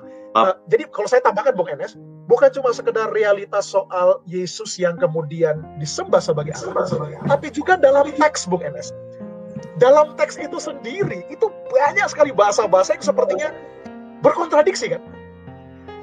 Di satu sisi Yesus uh, kalau kita baca Filipi pasal 2 kenosis itu uh, Rasul Paulus menggunakan istilah sorry bukan Rasul Paulus itu Rasul Paulus hanya mereiterasi bahasa gereja mula-mula ya kan? Bahasa worship kalau katanya Lewi Hurtado uh, uh, uh, bahasa Yesaya pasal 45 diapropriasi kepada Yesus.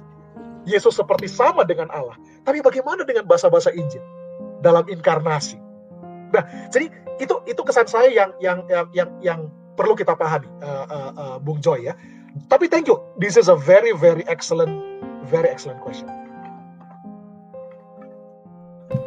Nah ini dari Bung uh, Asaria nih. Um, dalam teologi gereja Asia, teologi China, teologi Yin yang dipakai untuk menjelaskan tentang Allah yang transenden namun juga imanen. Menurut Kak Perdian, apakah relevan untuk memahami keilahian MC dari Yesus? Manusia, kemanusiaan Yesus mungkin. Oh, ah, saya saya harus saya harus hati-hati nih Bung Enes. Nanti kalau saya salah tolong di, diluruskan Bung Dandi tolong. Nah, yang pertama begini, uh, uh, um, saya suka dengan Aires karena di, di buku Aires itu dia mengatakan begini. Sebenarnya kalau kita mau jujur, hal yang paling penting yang harus kita pelajari, yang jadi pelajaran lesson learn yang harus kita petik adalah dari Nicaea khususnya atau dari kredo-kredo uh, itu termasuk sampai di Konstantinopel adalah bukan soal lagi-lagi redaksi kredonya itu sendiri bukan. Jadi this is not just about the redaction the, the redactional itu bukan bukan redaksional. This is more about nah kalau istilah dia the culture the theological culture. Nah karena dia melihat uh, Iris melihat misalnya dari dari bahkan dari uh, Athanasius ya Athanasius kemudian bapak-bapak Kapadokia masuk kemudian ke Agustinus nanti ini mereka ini punya semacam kesepahaman yang sama begitu satu satu uh, asumsi yang sama yang kemudian membuat mereka dikategorikan sebagai pro-Nicene theologians. Uh, semisal uh, dia menekan mereka menekan sama-sama menekankan soal uh, divine simplicity, ya kan? Uh, divine simplicity bukan bicara soal Allah yang simple, bukan. Tapi uh, God is simply different than nature. Kita tidak boleh mengatakan bahwa Allah itu sama dengan natur. Itu menegaskan soal the mystery of God. Nah, buat saya Bung Enes, Bung Dandi, Bung Dandi, itu indah karena itu nantinya sebenarnya menjadi dasar dari apofatik teologi. Itu itu buat saya that's beautiful. Itu itu kita bisa pakai menjadi dasar konstruksi untuk untuk uh, metode uh, apofatik. Nah, yang kedua, uh, contoh juga misalnya soal keharmonisan. Nah ini yang nanti saya mau pakai so, uh, apakah nanti sama dengan yin yang. Karena yin yang ini kan menekankan dua hal yang apa ya, bukan cuma paradoks ya, tapi kontras, kontradiktif. Iya kan, kontradiktif. Aku nggak tahu apakah kontradiktif harmoni bagaimana, tapi kan kontradiktif hitam putih yin yang begitu ya. Nah, kalau uh, pro culture mereka menegaskan soal harmoni. Uh, harmoni dari ketiganya atau nanti mungkin yang kita kenal dengan uh, perikoresis. uh, uh, dan itu itu terjadi lewat penciptaan. Contoh misalnya begini. Nah, ini ini ini ini saya mau kasih uh, kita masih sering kali mendengar misalnya di gereja bahasa-bahasa karya keselamatan oleh Yesus. Ya toh, karya pertobatan oleh Roh Kudus. Ini bener gak gitu? Kalau betul kita pronaisin itu justru bidal sebenarnya. Itu itu modalistik sebenarnya. itu modalistik. Karena pronaisin culture menegaskan apa? Dalam semua stage of creation, redemption, glorification, kalau kita mau pakai istilah uh, uh, Calvinis itu ya, uh, yang yang progressive revelation. CFRC, CFRC. Ya. Yes, semua semua Trinitas hadir di situ. Dalam creation, Trinitas hadir di sana dalam karya inkarnasi, Trinitas hadir di sana. Dalam karya salib, Trinitas hadir di sana. Kebangkitan, Trinitas hadir di sana. E, pertobatan, Trinitas hadir di sana. Semua sampai nanti eskatologi, Trinitas hadir di sana. Jadi apa ya? Eh, nah itu Bung NS yang juga ditegaskan oleh bapak-bapak Kapadoki yang menurut saya genius. Soal harmoni dari the economy of God, karya Allah, ya kan? Bahwa ketiganya itu hadir dalam setiap uh, setiap uh, karya karya yang yang Allah hadirkan untuk semesta ini. Nah, lagi-lagi saya saya tidak tahu apakah itu bisa kemudian similar dengan ini Bung Enes, teologi yin yang ini. Karena yin yang itu kan kesan saya apa ya? Kontradiktif. Iya kan? Tapi kontradiksi ini yang mengarahkan kehidupan. Jadi semacam apa Bung Enes? Semacam pandangan apa itu? Yang dua dua kekuatan sama besarnya, jadi good and evil, dari kekekalan sampai kekekalan. Nah, saya tidak tahu, tapi kalau lagi-lagi saya, saya tidak mengatakan ini salah ya, tapi kalau misalnya pakai kacamata pronaisin, um, saya nggak tahu apakah itu bisa dipadu-padankan, gitu. Apakah bisa di, bisa, saya agak agak agak agak tricky di situ. Betul, uh, menurut saya juga ini sangat penting bahwa uh, yang dikatakan oleh Bung Perdian, apakah percakapan mengenai uh, Trinitarian itu kompatibel dengan Yin Yang yang bagi Bung uh, Asaria di sini disebut sebagai ini aspek transenden dan imanen. Jangan-jangan ini reduksi dari yin yang itu sendiri, begitu kan? Pereduksian dari yin yang ini sendiri. Tetapi saya katakan ini jangan-jangan karena saya tidak membidangi yin yang satu. Uh, yang kedua, uh, bicara mengenai uh, Trinitas itu kan bicara mengenai sekali lagi dimulainya dari fenomenologi gereja menerima faktanya yaitu ada satu Bapa ya Allah Yahweh Allah perjanjian tapi tiba-tiba muncul manusia Yesus yang mati, bangkit, dan dia di, kemudian disebut sebagai Tuhan. Bagaimana ini ngomongin masalah ini? Begitu kan? Dan dalam perkembangan uh, percakapan itu, mereka tahu bahwa uh, apa yang terjadi di masa Yesus hidup itu selaras dengan apa yang terjadi yang yang diberitakan di Perjanjian Lama. Allah tidak meninggalkan kita. Betul ini transenden maupun imanen, betul ya kan? Tetapi lebih daripada itu, Allah itu hadir, dwell, begitu kan? Uh, Amsal pasal 8 misalnya, ketika bicara mengenai uh, Sofia, mengenai uh, hikmat, begitu. Uh, terus Allah yang menyertai umatnya melalui uh, padang gurun, begitu. Allah hadir di sana. Tapi kehadiran Allah ini juga Allah yang yang yang mengambil bagian di dalam kemanusiaan. Ini yang bagi saya Bung Perdian eh, kalau bicara mengenai pronaisin itu orang harus juga uh, membaca Sergius Bulgakov. Hmm. Saya ternyata gara-gara kemarin itu um, uh, apa namanya comprehensive exam saya nulis tentang Bulgakov itu baru saya ngeh ini. Ini yang di, di, di, di, di, diproblemkan oleh Nisea ternyata. Karena Bulgakov itu uh, melihat ini yang yang yang dipercakapkan selama ini di dalam gereja yaitu problemnya adalah masalah God manhood ya kan? Allah manusia. Allah manusia ini ini nggak hanya bicara mengenai inkarnasi di dalam Kristus, tetapi ini sebenarnya sudah patternnya Allah sejak perjalanan di Perjanjian Lama. Makanya Bulgakov menulis kemudian uh, uh, God manhood itu. Dan Yesus Kristus sebenarnya ekspresi yang jelas dari God manhood itu yang menjadi manusia uh, firman yang menjadi manusia itu. Gitu kan?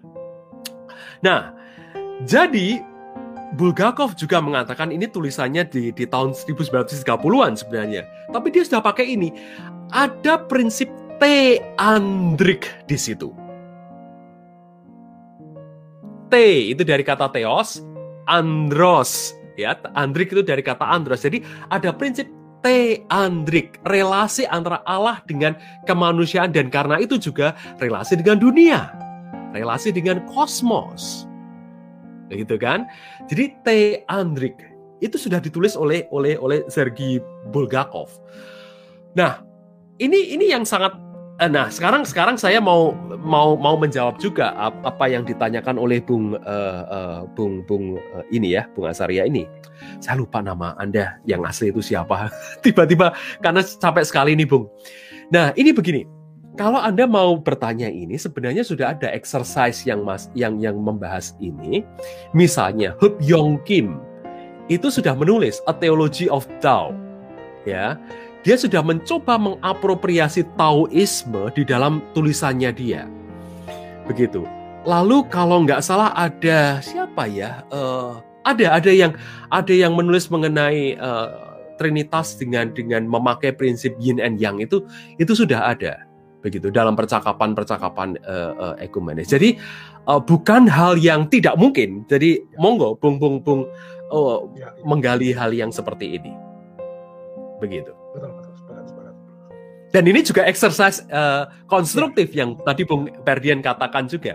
Karena bagi uh, kakek guru uh, Roger Haidt ini ini di, dikatakan bahwa Yesus sebagai Kristus itu sebuah inkulturasi bagi saya ya, tidak ya. lain dan tidak bukan ini ini ini sebuah sebuah teologi konstruktif juga bagaimana kita mengkonstruksikan teologi Kristiani dalam konteks kita sorry gitu, bu kan? saya, saya saya klarifikasi bukan bukan bukan Kristusnya Kristusnya uh, Kristologi Nicaea dan Chalcedon itu yang betul betul betul betul betul betul betul betul betul, betul. Terima kasih, terima kasih. Kristologi Nisea dan Kalsedon itu iya. sebenarnya sudah merupakan inkulturasi budaya Roma uh, Gerika begitu. Ya, Terima kasih, Bung. Terima kasih. Bung Timotius Ferdino menanyakan jika menyebut Yesus Kristus, apakah ini merujuk pada logos yang menjadi manusia atau pribadi kedua Trinitas? Perlu membedakan dua hal ini ketika bicara Kristologi atau Trinitas? aku jawab ya. Ini ini oh, Bung yeah. NS dan Bung Dandi. Ini ini one of the very very excellent question. Karena kalau Bung NS ingat buku ini, kalau nggak salah kan di ada dia bilang ada ada tiga hal. Ada tiga hal sebenarnya yang menjadi hal yang perlu kita pikirkan sebagai teolog di masa kini. Ya kan? Nah, saya mau highlight poin dia kalau nggak salah yang kedua dan ketiga itu. Nah, poin yang kedua kan dia bilang bahasa Nicaea, kalau nggak salah ya, dia bilang gini, bahasa Nicaea dan Chalcedon itu harus diakui itu bahasa yang high Christology. Ya kan, bahasa yang high Christology. Dan bahkan dia, maaf ya, dia pakai istilah sampai seperti fantasi. Ya kan. Uh, uh, uh, dan dan ini menurut dia itu menimbulkan persoalan di historical consciousness dari Yesus.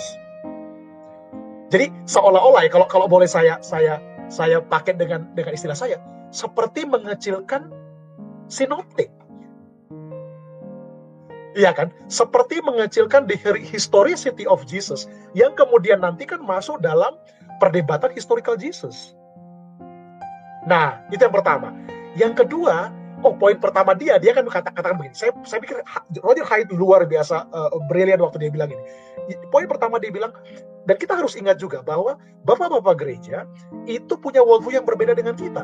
Terutama kita sekarang hidup di zaman sains ya kan? Jangankan penemuan abad 21 sekarang. Dia bilang 100 tahun yang lalu saja itu beda sekali kan abad 20 saja beda sekali dengan sekarang apalagi back to misalnya abad ketiga abad kedua abad keempat dan yang ketiga uh, metodologinya bu tadi bu, Enes sudah bagus sekali mengatakan metodologi mereka dulu dengan data yang dengan akal ini kan body of knowledge yang mereka punya dulu saya yakin kalau mereka hidup sekarang Bung Enes mereka tidak akan berteologi dengan cara itu. Kalau mereka punya body of knowledge yang kita punya sekarang. Betul ya mereka pasti akan lain cara berteologinya kalau mereka terutama dengan perkembangan teknologi yang besok akan dibahas oleh Gini. Nah, makanya teman-teman pemirsa harus hadir. Karena karena itu Roger Haidt pointing out nanti malam Bung, nanti malam di Indonesia. Nanti malam. Indonesia, oke, okay, sorry. Pagi waktu Amerika Serikat. Nah, itu yang kedua. Nah, yang ketiga, Roger Haidt tekankan artinya begini. Kita harus take it incarnation incarnation seriously. Dan itu menurut dia bisa slippery waktu kita sekedar menekankan bahasa-bahasa kredo dari Nicaea dan Chalcedon tanpa mengapropriasi dengan tepat. Dan dia bilang, kalau nggak salah juga di situ, dia bilang, bagaimana kita mengkaitkan human freedom dengan uh, karya salvation dari Tuhan Yesus Kristus dalam kaitan dengan uh, uh, human freedom tadi. Nah, jadi saya, saya merasa Bung, Bung NS dan Bung Dandi, kalimat dari Bung Timotius ini, pertanyaan ini bukan bukan hal biasa. Saya membacanya begitu. Bahwa sebenarnya menyebut Yesus Kristus loh. Dia bukan bilang Kristus Yesus loh. Berarti kan dia bilang Yesus Kristus. Berarti kan seperti menekankan historisitasnya. Makanya bilang ini ini ini Bung Timotius ini ini ini, ini pasti aduh ini genius ini. Ini very tricky question ini. Saya harus hati-hati makanya karena kita di exercise juga di sini kan. Dia dia ingin mengatakan loh, kalau Yesus Kristus secara historis itu bisa nggak merujuk pada logos yang menjadi manusia? Nah itu loh. Atau pribadi kedua Trinity. Dan jawaban saya, Bung Timotius, exactly. Justru itu kritik yang sekarang banyak ditujukan kepada Chalcedon dan Nicaea. Yang sebenarnya bukan cuma sekedar terjadi sekarang, tapi sudah terjadi dulu yang tadi kita kita bicarakan. Nah, contoh misalnya kalau uh, uh, uh, uh, misalnya contoh kalau kalau kita bahas ini ya Bung NS ya Bung dan dia uh, uh, problematika Nestorius misalnya. Ingat nggak Nestorius dan Eutychus itu dua orang yang apa? Dua orang yang juga sepakat dengan Nicaea loh. Itu dua pro orang itu pro Nicene. Sangat pro Nicaea mereka. Jadi jangan sampai ada mengatakan Nicaea harga mati. Jangan lupa itu Nestorius itu justru Nicaea harga mati. nah, problemnya dari Nestorius kan dia menekankan keterpisahan natur uh, keilahian dengan kemanusiaan Yesus kan. Itu kan problemnya kan. Jadi seolah-olah dari kekal sampai kekal dua natur itu terpisah. Gitu kan. Uh, dia dia dia kan menolak istilah union. Dia pakai istilah conjunction. ya kan? Lagi-lagi ya bahas ini soal bahasa kan. Union tidak ada, tidak benar itu union. Yang ada itu conjunction. Nah, Eutychus itu lebih menarik lagi karena dia mengkonfuskan ini. Jadi ada dia dia bilang kan ada masa union kan, ada masa union kedua natur itu. Nah, dalam setelah union terjadi, natur kemanusiaan Yesus itu terhisap dalam keilahiannya. Wow, jadi Nah, jadi lagi-lagi karena itu karena itu sering kali disebut sebagai monofisit begitu kan, yang iya, kelihatan ya, itu adalah Yes. Tetapi teman-teman uh, yang yang ingin saya garis bawahi adalah uh, ini justru yang sangat penting itu penjelasan yang tadi Bung Perdian itu. Jadi jangan cuman mengatakan oh ini keliru, monofisit itu berarti keliru. Uh, Nestorian itu karena dia memisahkan itu keliru. Enggak. Coba perhatikan cara berpikir mereka terlebih dahulu. Exactly. Exactly. Ikutin cara mereka berpikir terlebih dahulu, begitu. Ya kan?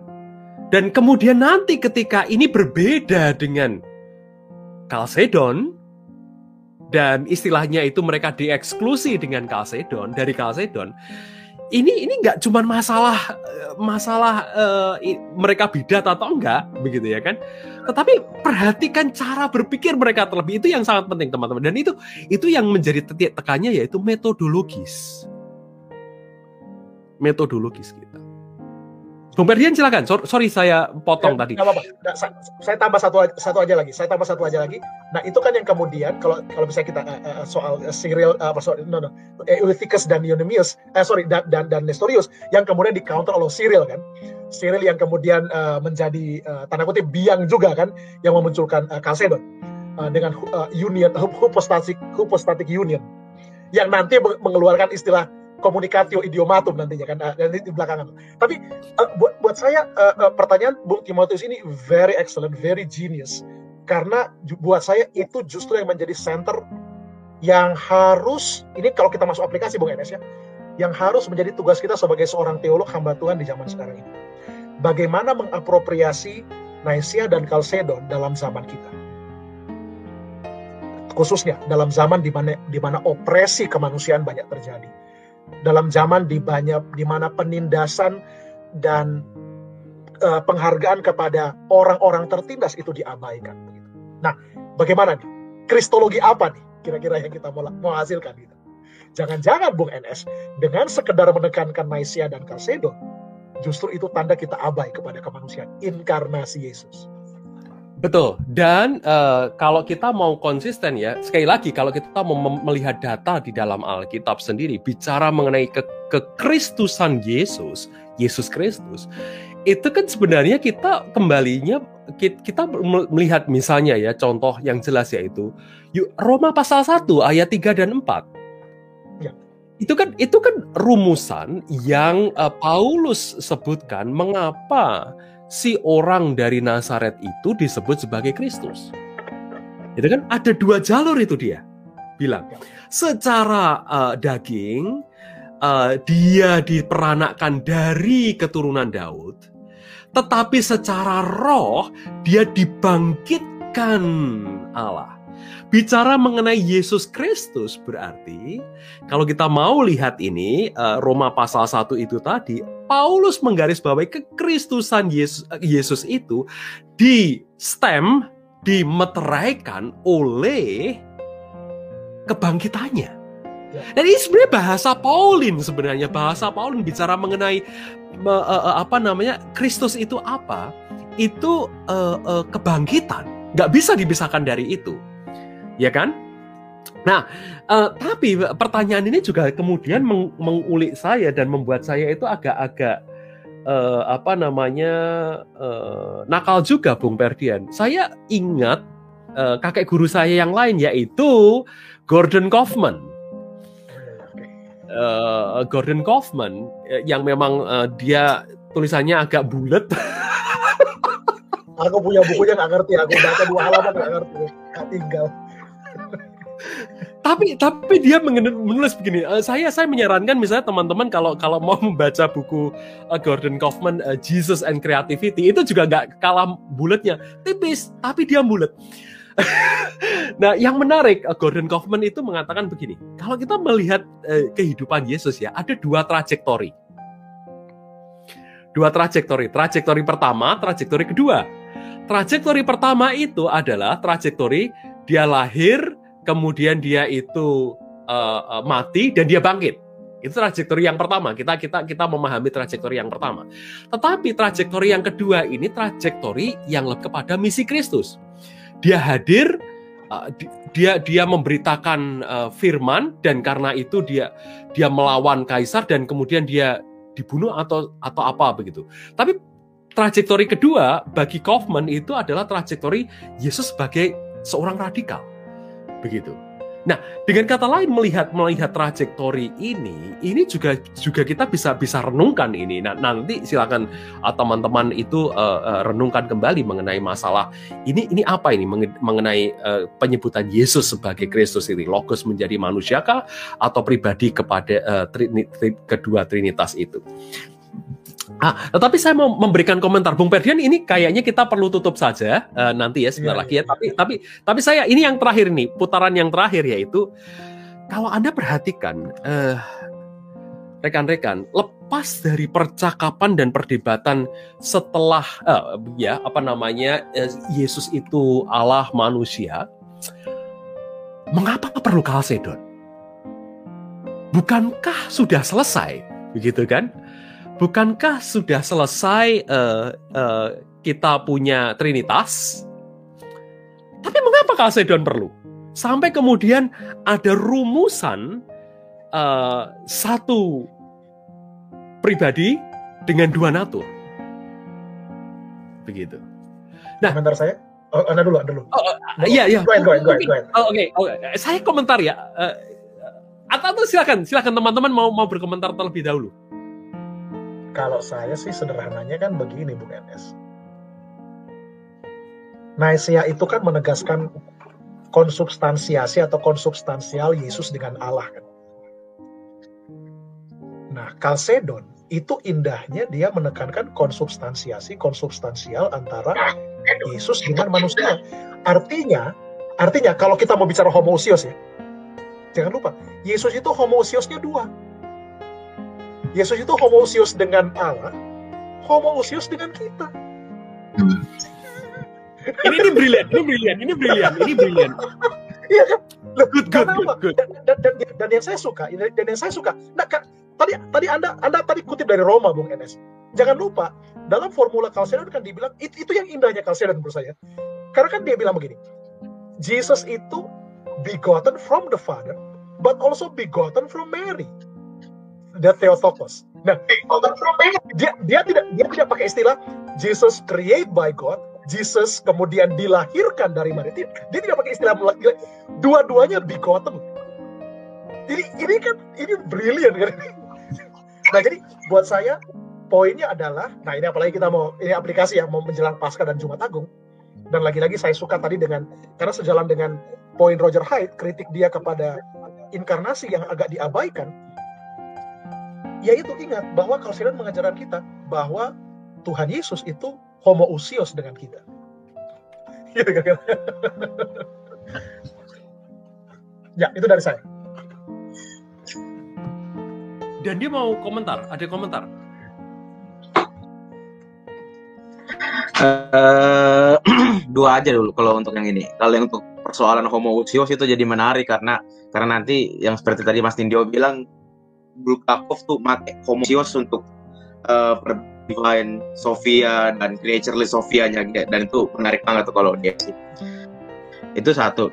Terus yang dua kalau kalau kenapa kita butuh Calcedon uh, sukunya Roger Olson yang The Story of Christianity. Jadi alasan apa Calcedon itu harus ada karena ketidakpuasan gitu Mashab Antioquia.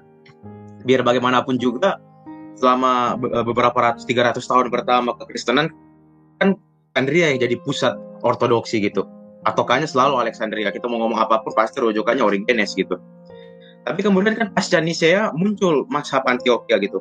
Chrysostomus termasuk orang-orang awal yang ada di situ atau Theodor. Lalu kemudian ketika ketika di konsili Konstantinopel, Konstantinopel itu menjadi patriark gitu kan. Uskup Konstantinopel jadi levelnya patriark, of course. Dan dan dan lagi digelari ekumenikal patriark ya untuk Konstantinopel.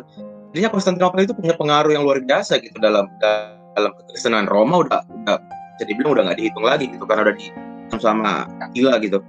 Ya, sorry, sebelum sebelum Attila. Tapi udah udah dihantam sama orang-orang barbar gitu.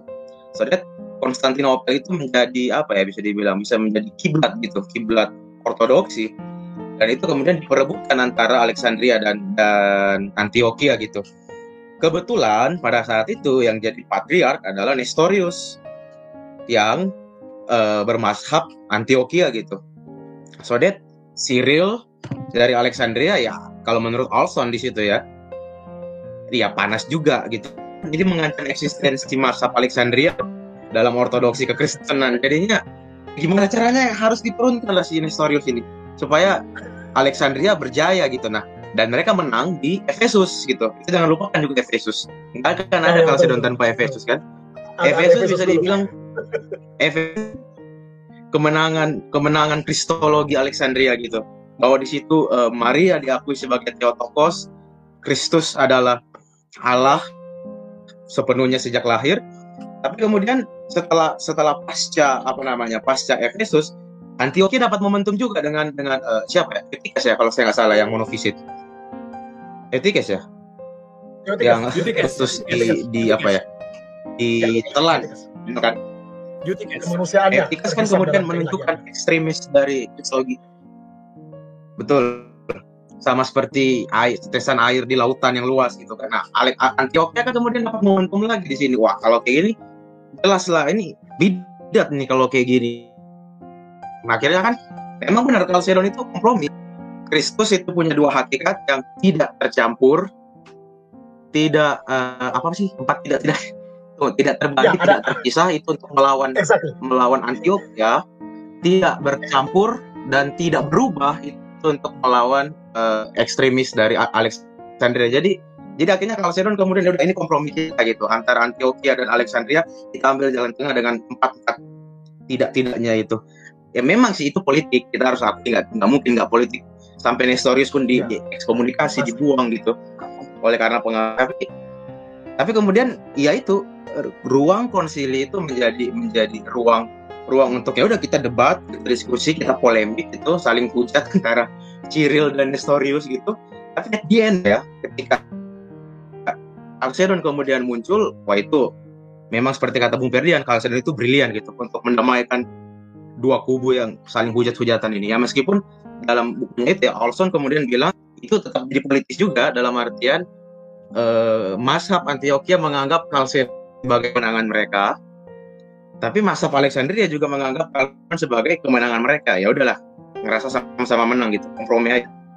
Itu kalau dari saya sama Mas. Yang Bung Ferdian.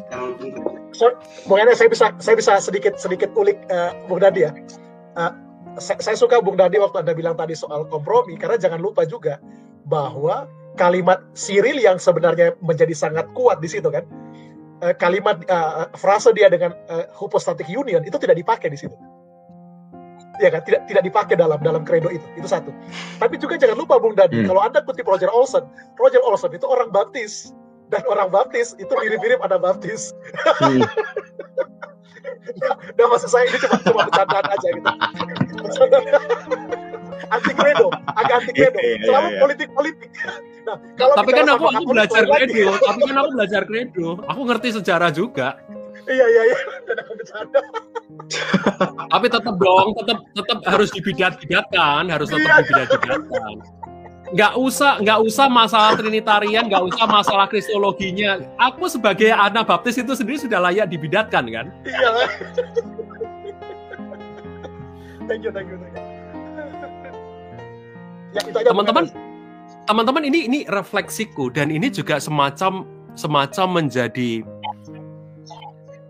aku aku nggak mengatakan ini nubuatan ya tetapi ini ini ini ini menjadi refleksiku yang yang yang sepertinya menarik yaitu begini mengapa setelah uh,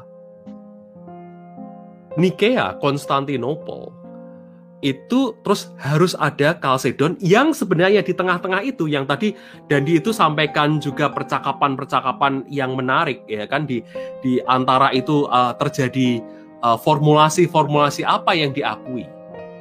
Ini satu hal, satu satu satu. Uh, yang pertama ya. Yang yang perlu kita perhatikan juga adalah orang terpesona, orang fanatik dengan uh, Trinity, Trinitarian, dan Kristologi, ya kan? Yang sebenarnya Trinitarian itu sendiri dipicu dengan pertanyaan posisi Yesus yang ilahi terhadap Sang Bapa itu bagaimana? Ya kan? Ini. Jadi problemnya bahkan ini sudah di point out oleh Larry Hurtado, Bung. Ini problem sebelum Trinity itu problem Binity. Gitu kan? Jadi biniti itu terlebih dahulu. Tapi yang lebih penting juga adalah di antara uh, Trinitarian tadi, Chalcedon dan uh, sorry, uh, uh, apa namanya Nikea dengan Konstantinopel sampai ke Chalcedon ada doktrin Maria. Nah ini yang yang selalu orang-orang yang berdebat mengenai Lupa Trinitas dan dan Kristologi, Marianya dianggap gak penting loh. Padahal sekali lagi teman-teman 325, 381, lalu 451, ya kan Kalsedon, itu ada 431, Efesus.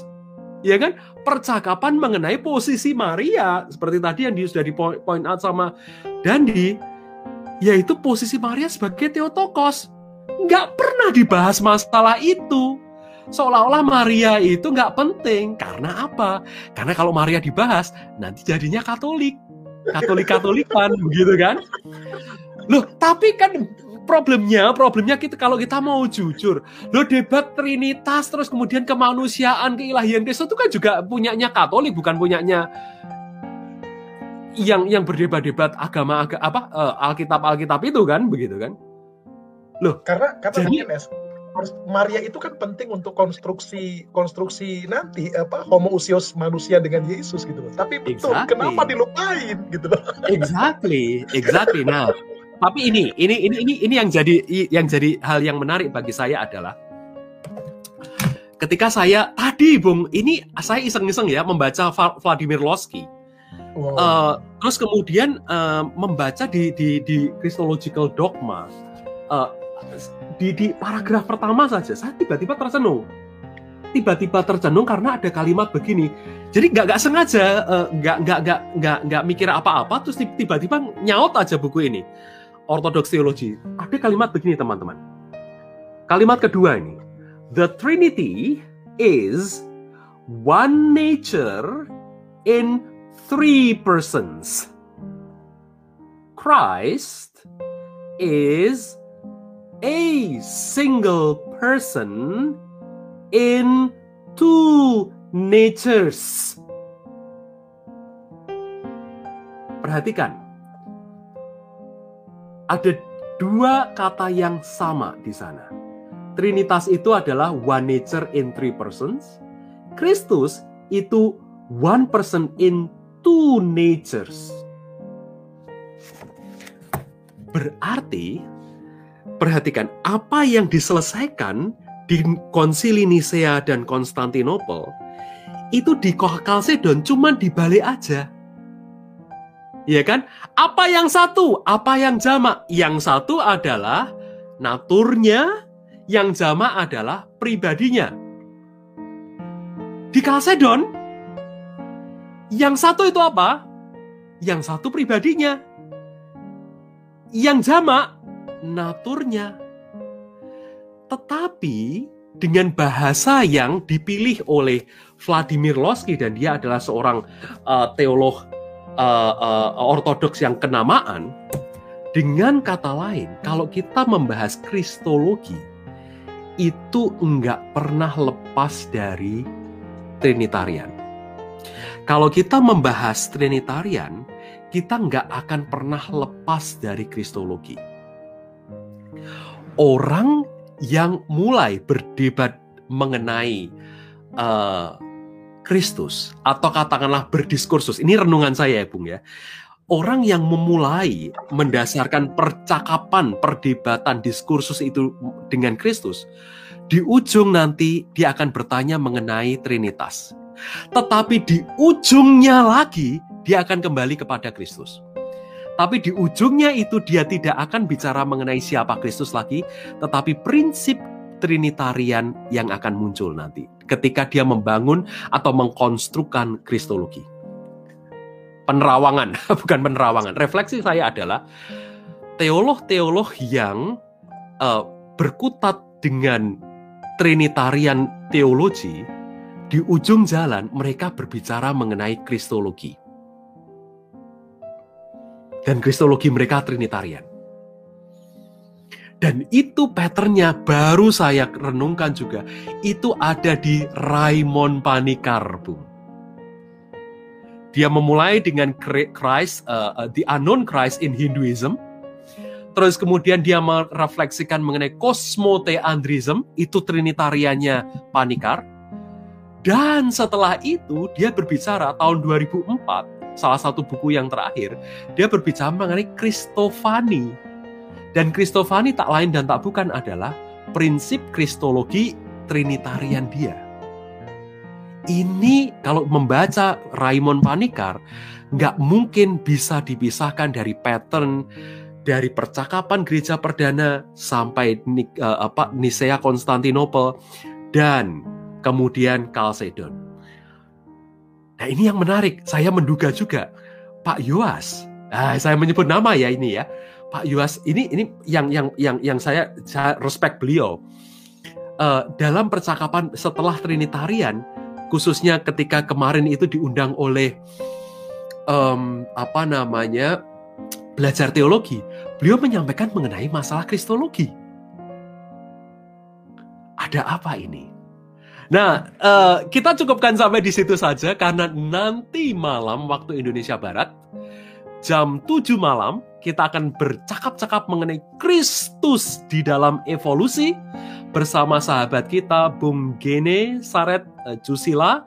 Beliau adalah mahasiswa bukan teolog, bukan mengambil bidang teologi, tetapi mengambil applied mathematics di Berlin.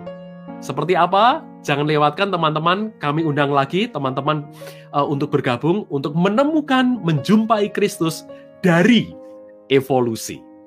Oke, percakapan yang menarik sekali. Terima kasih Bung Dedi, terima kasih Bung Ferdian. Semoga thank you, thank you. bisa istirahat uh, malam ini.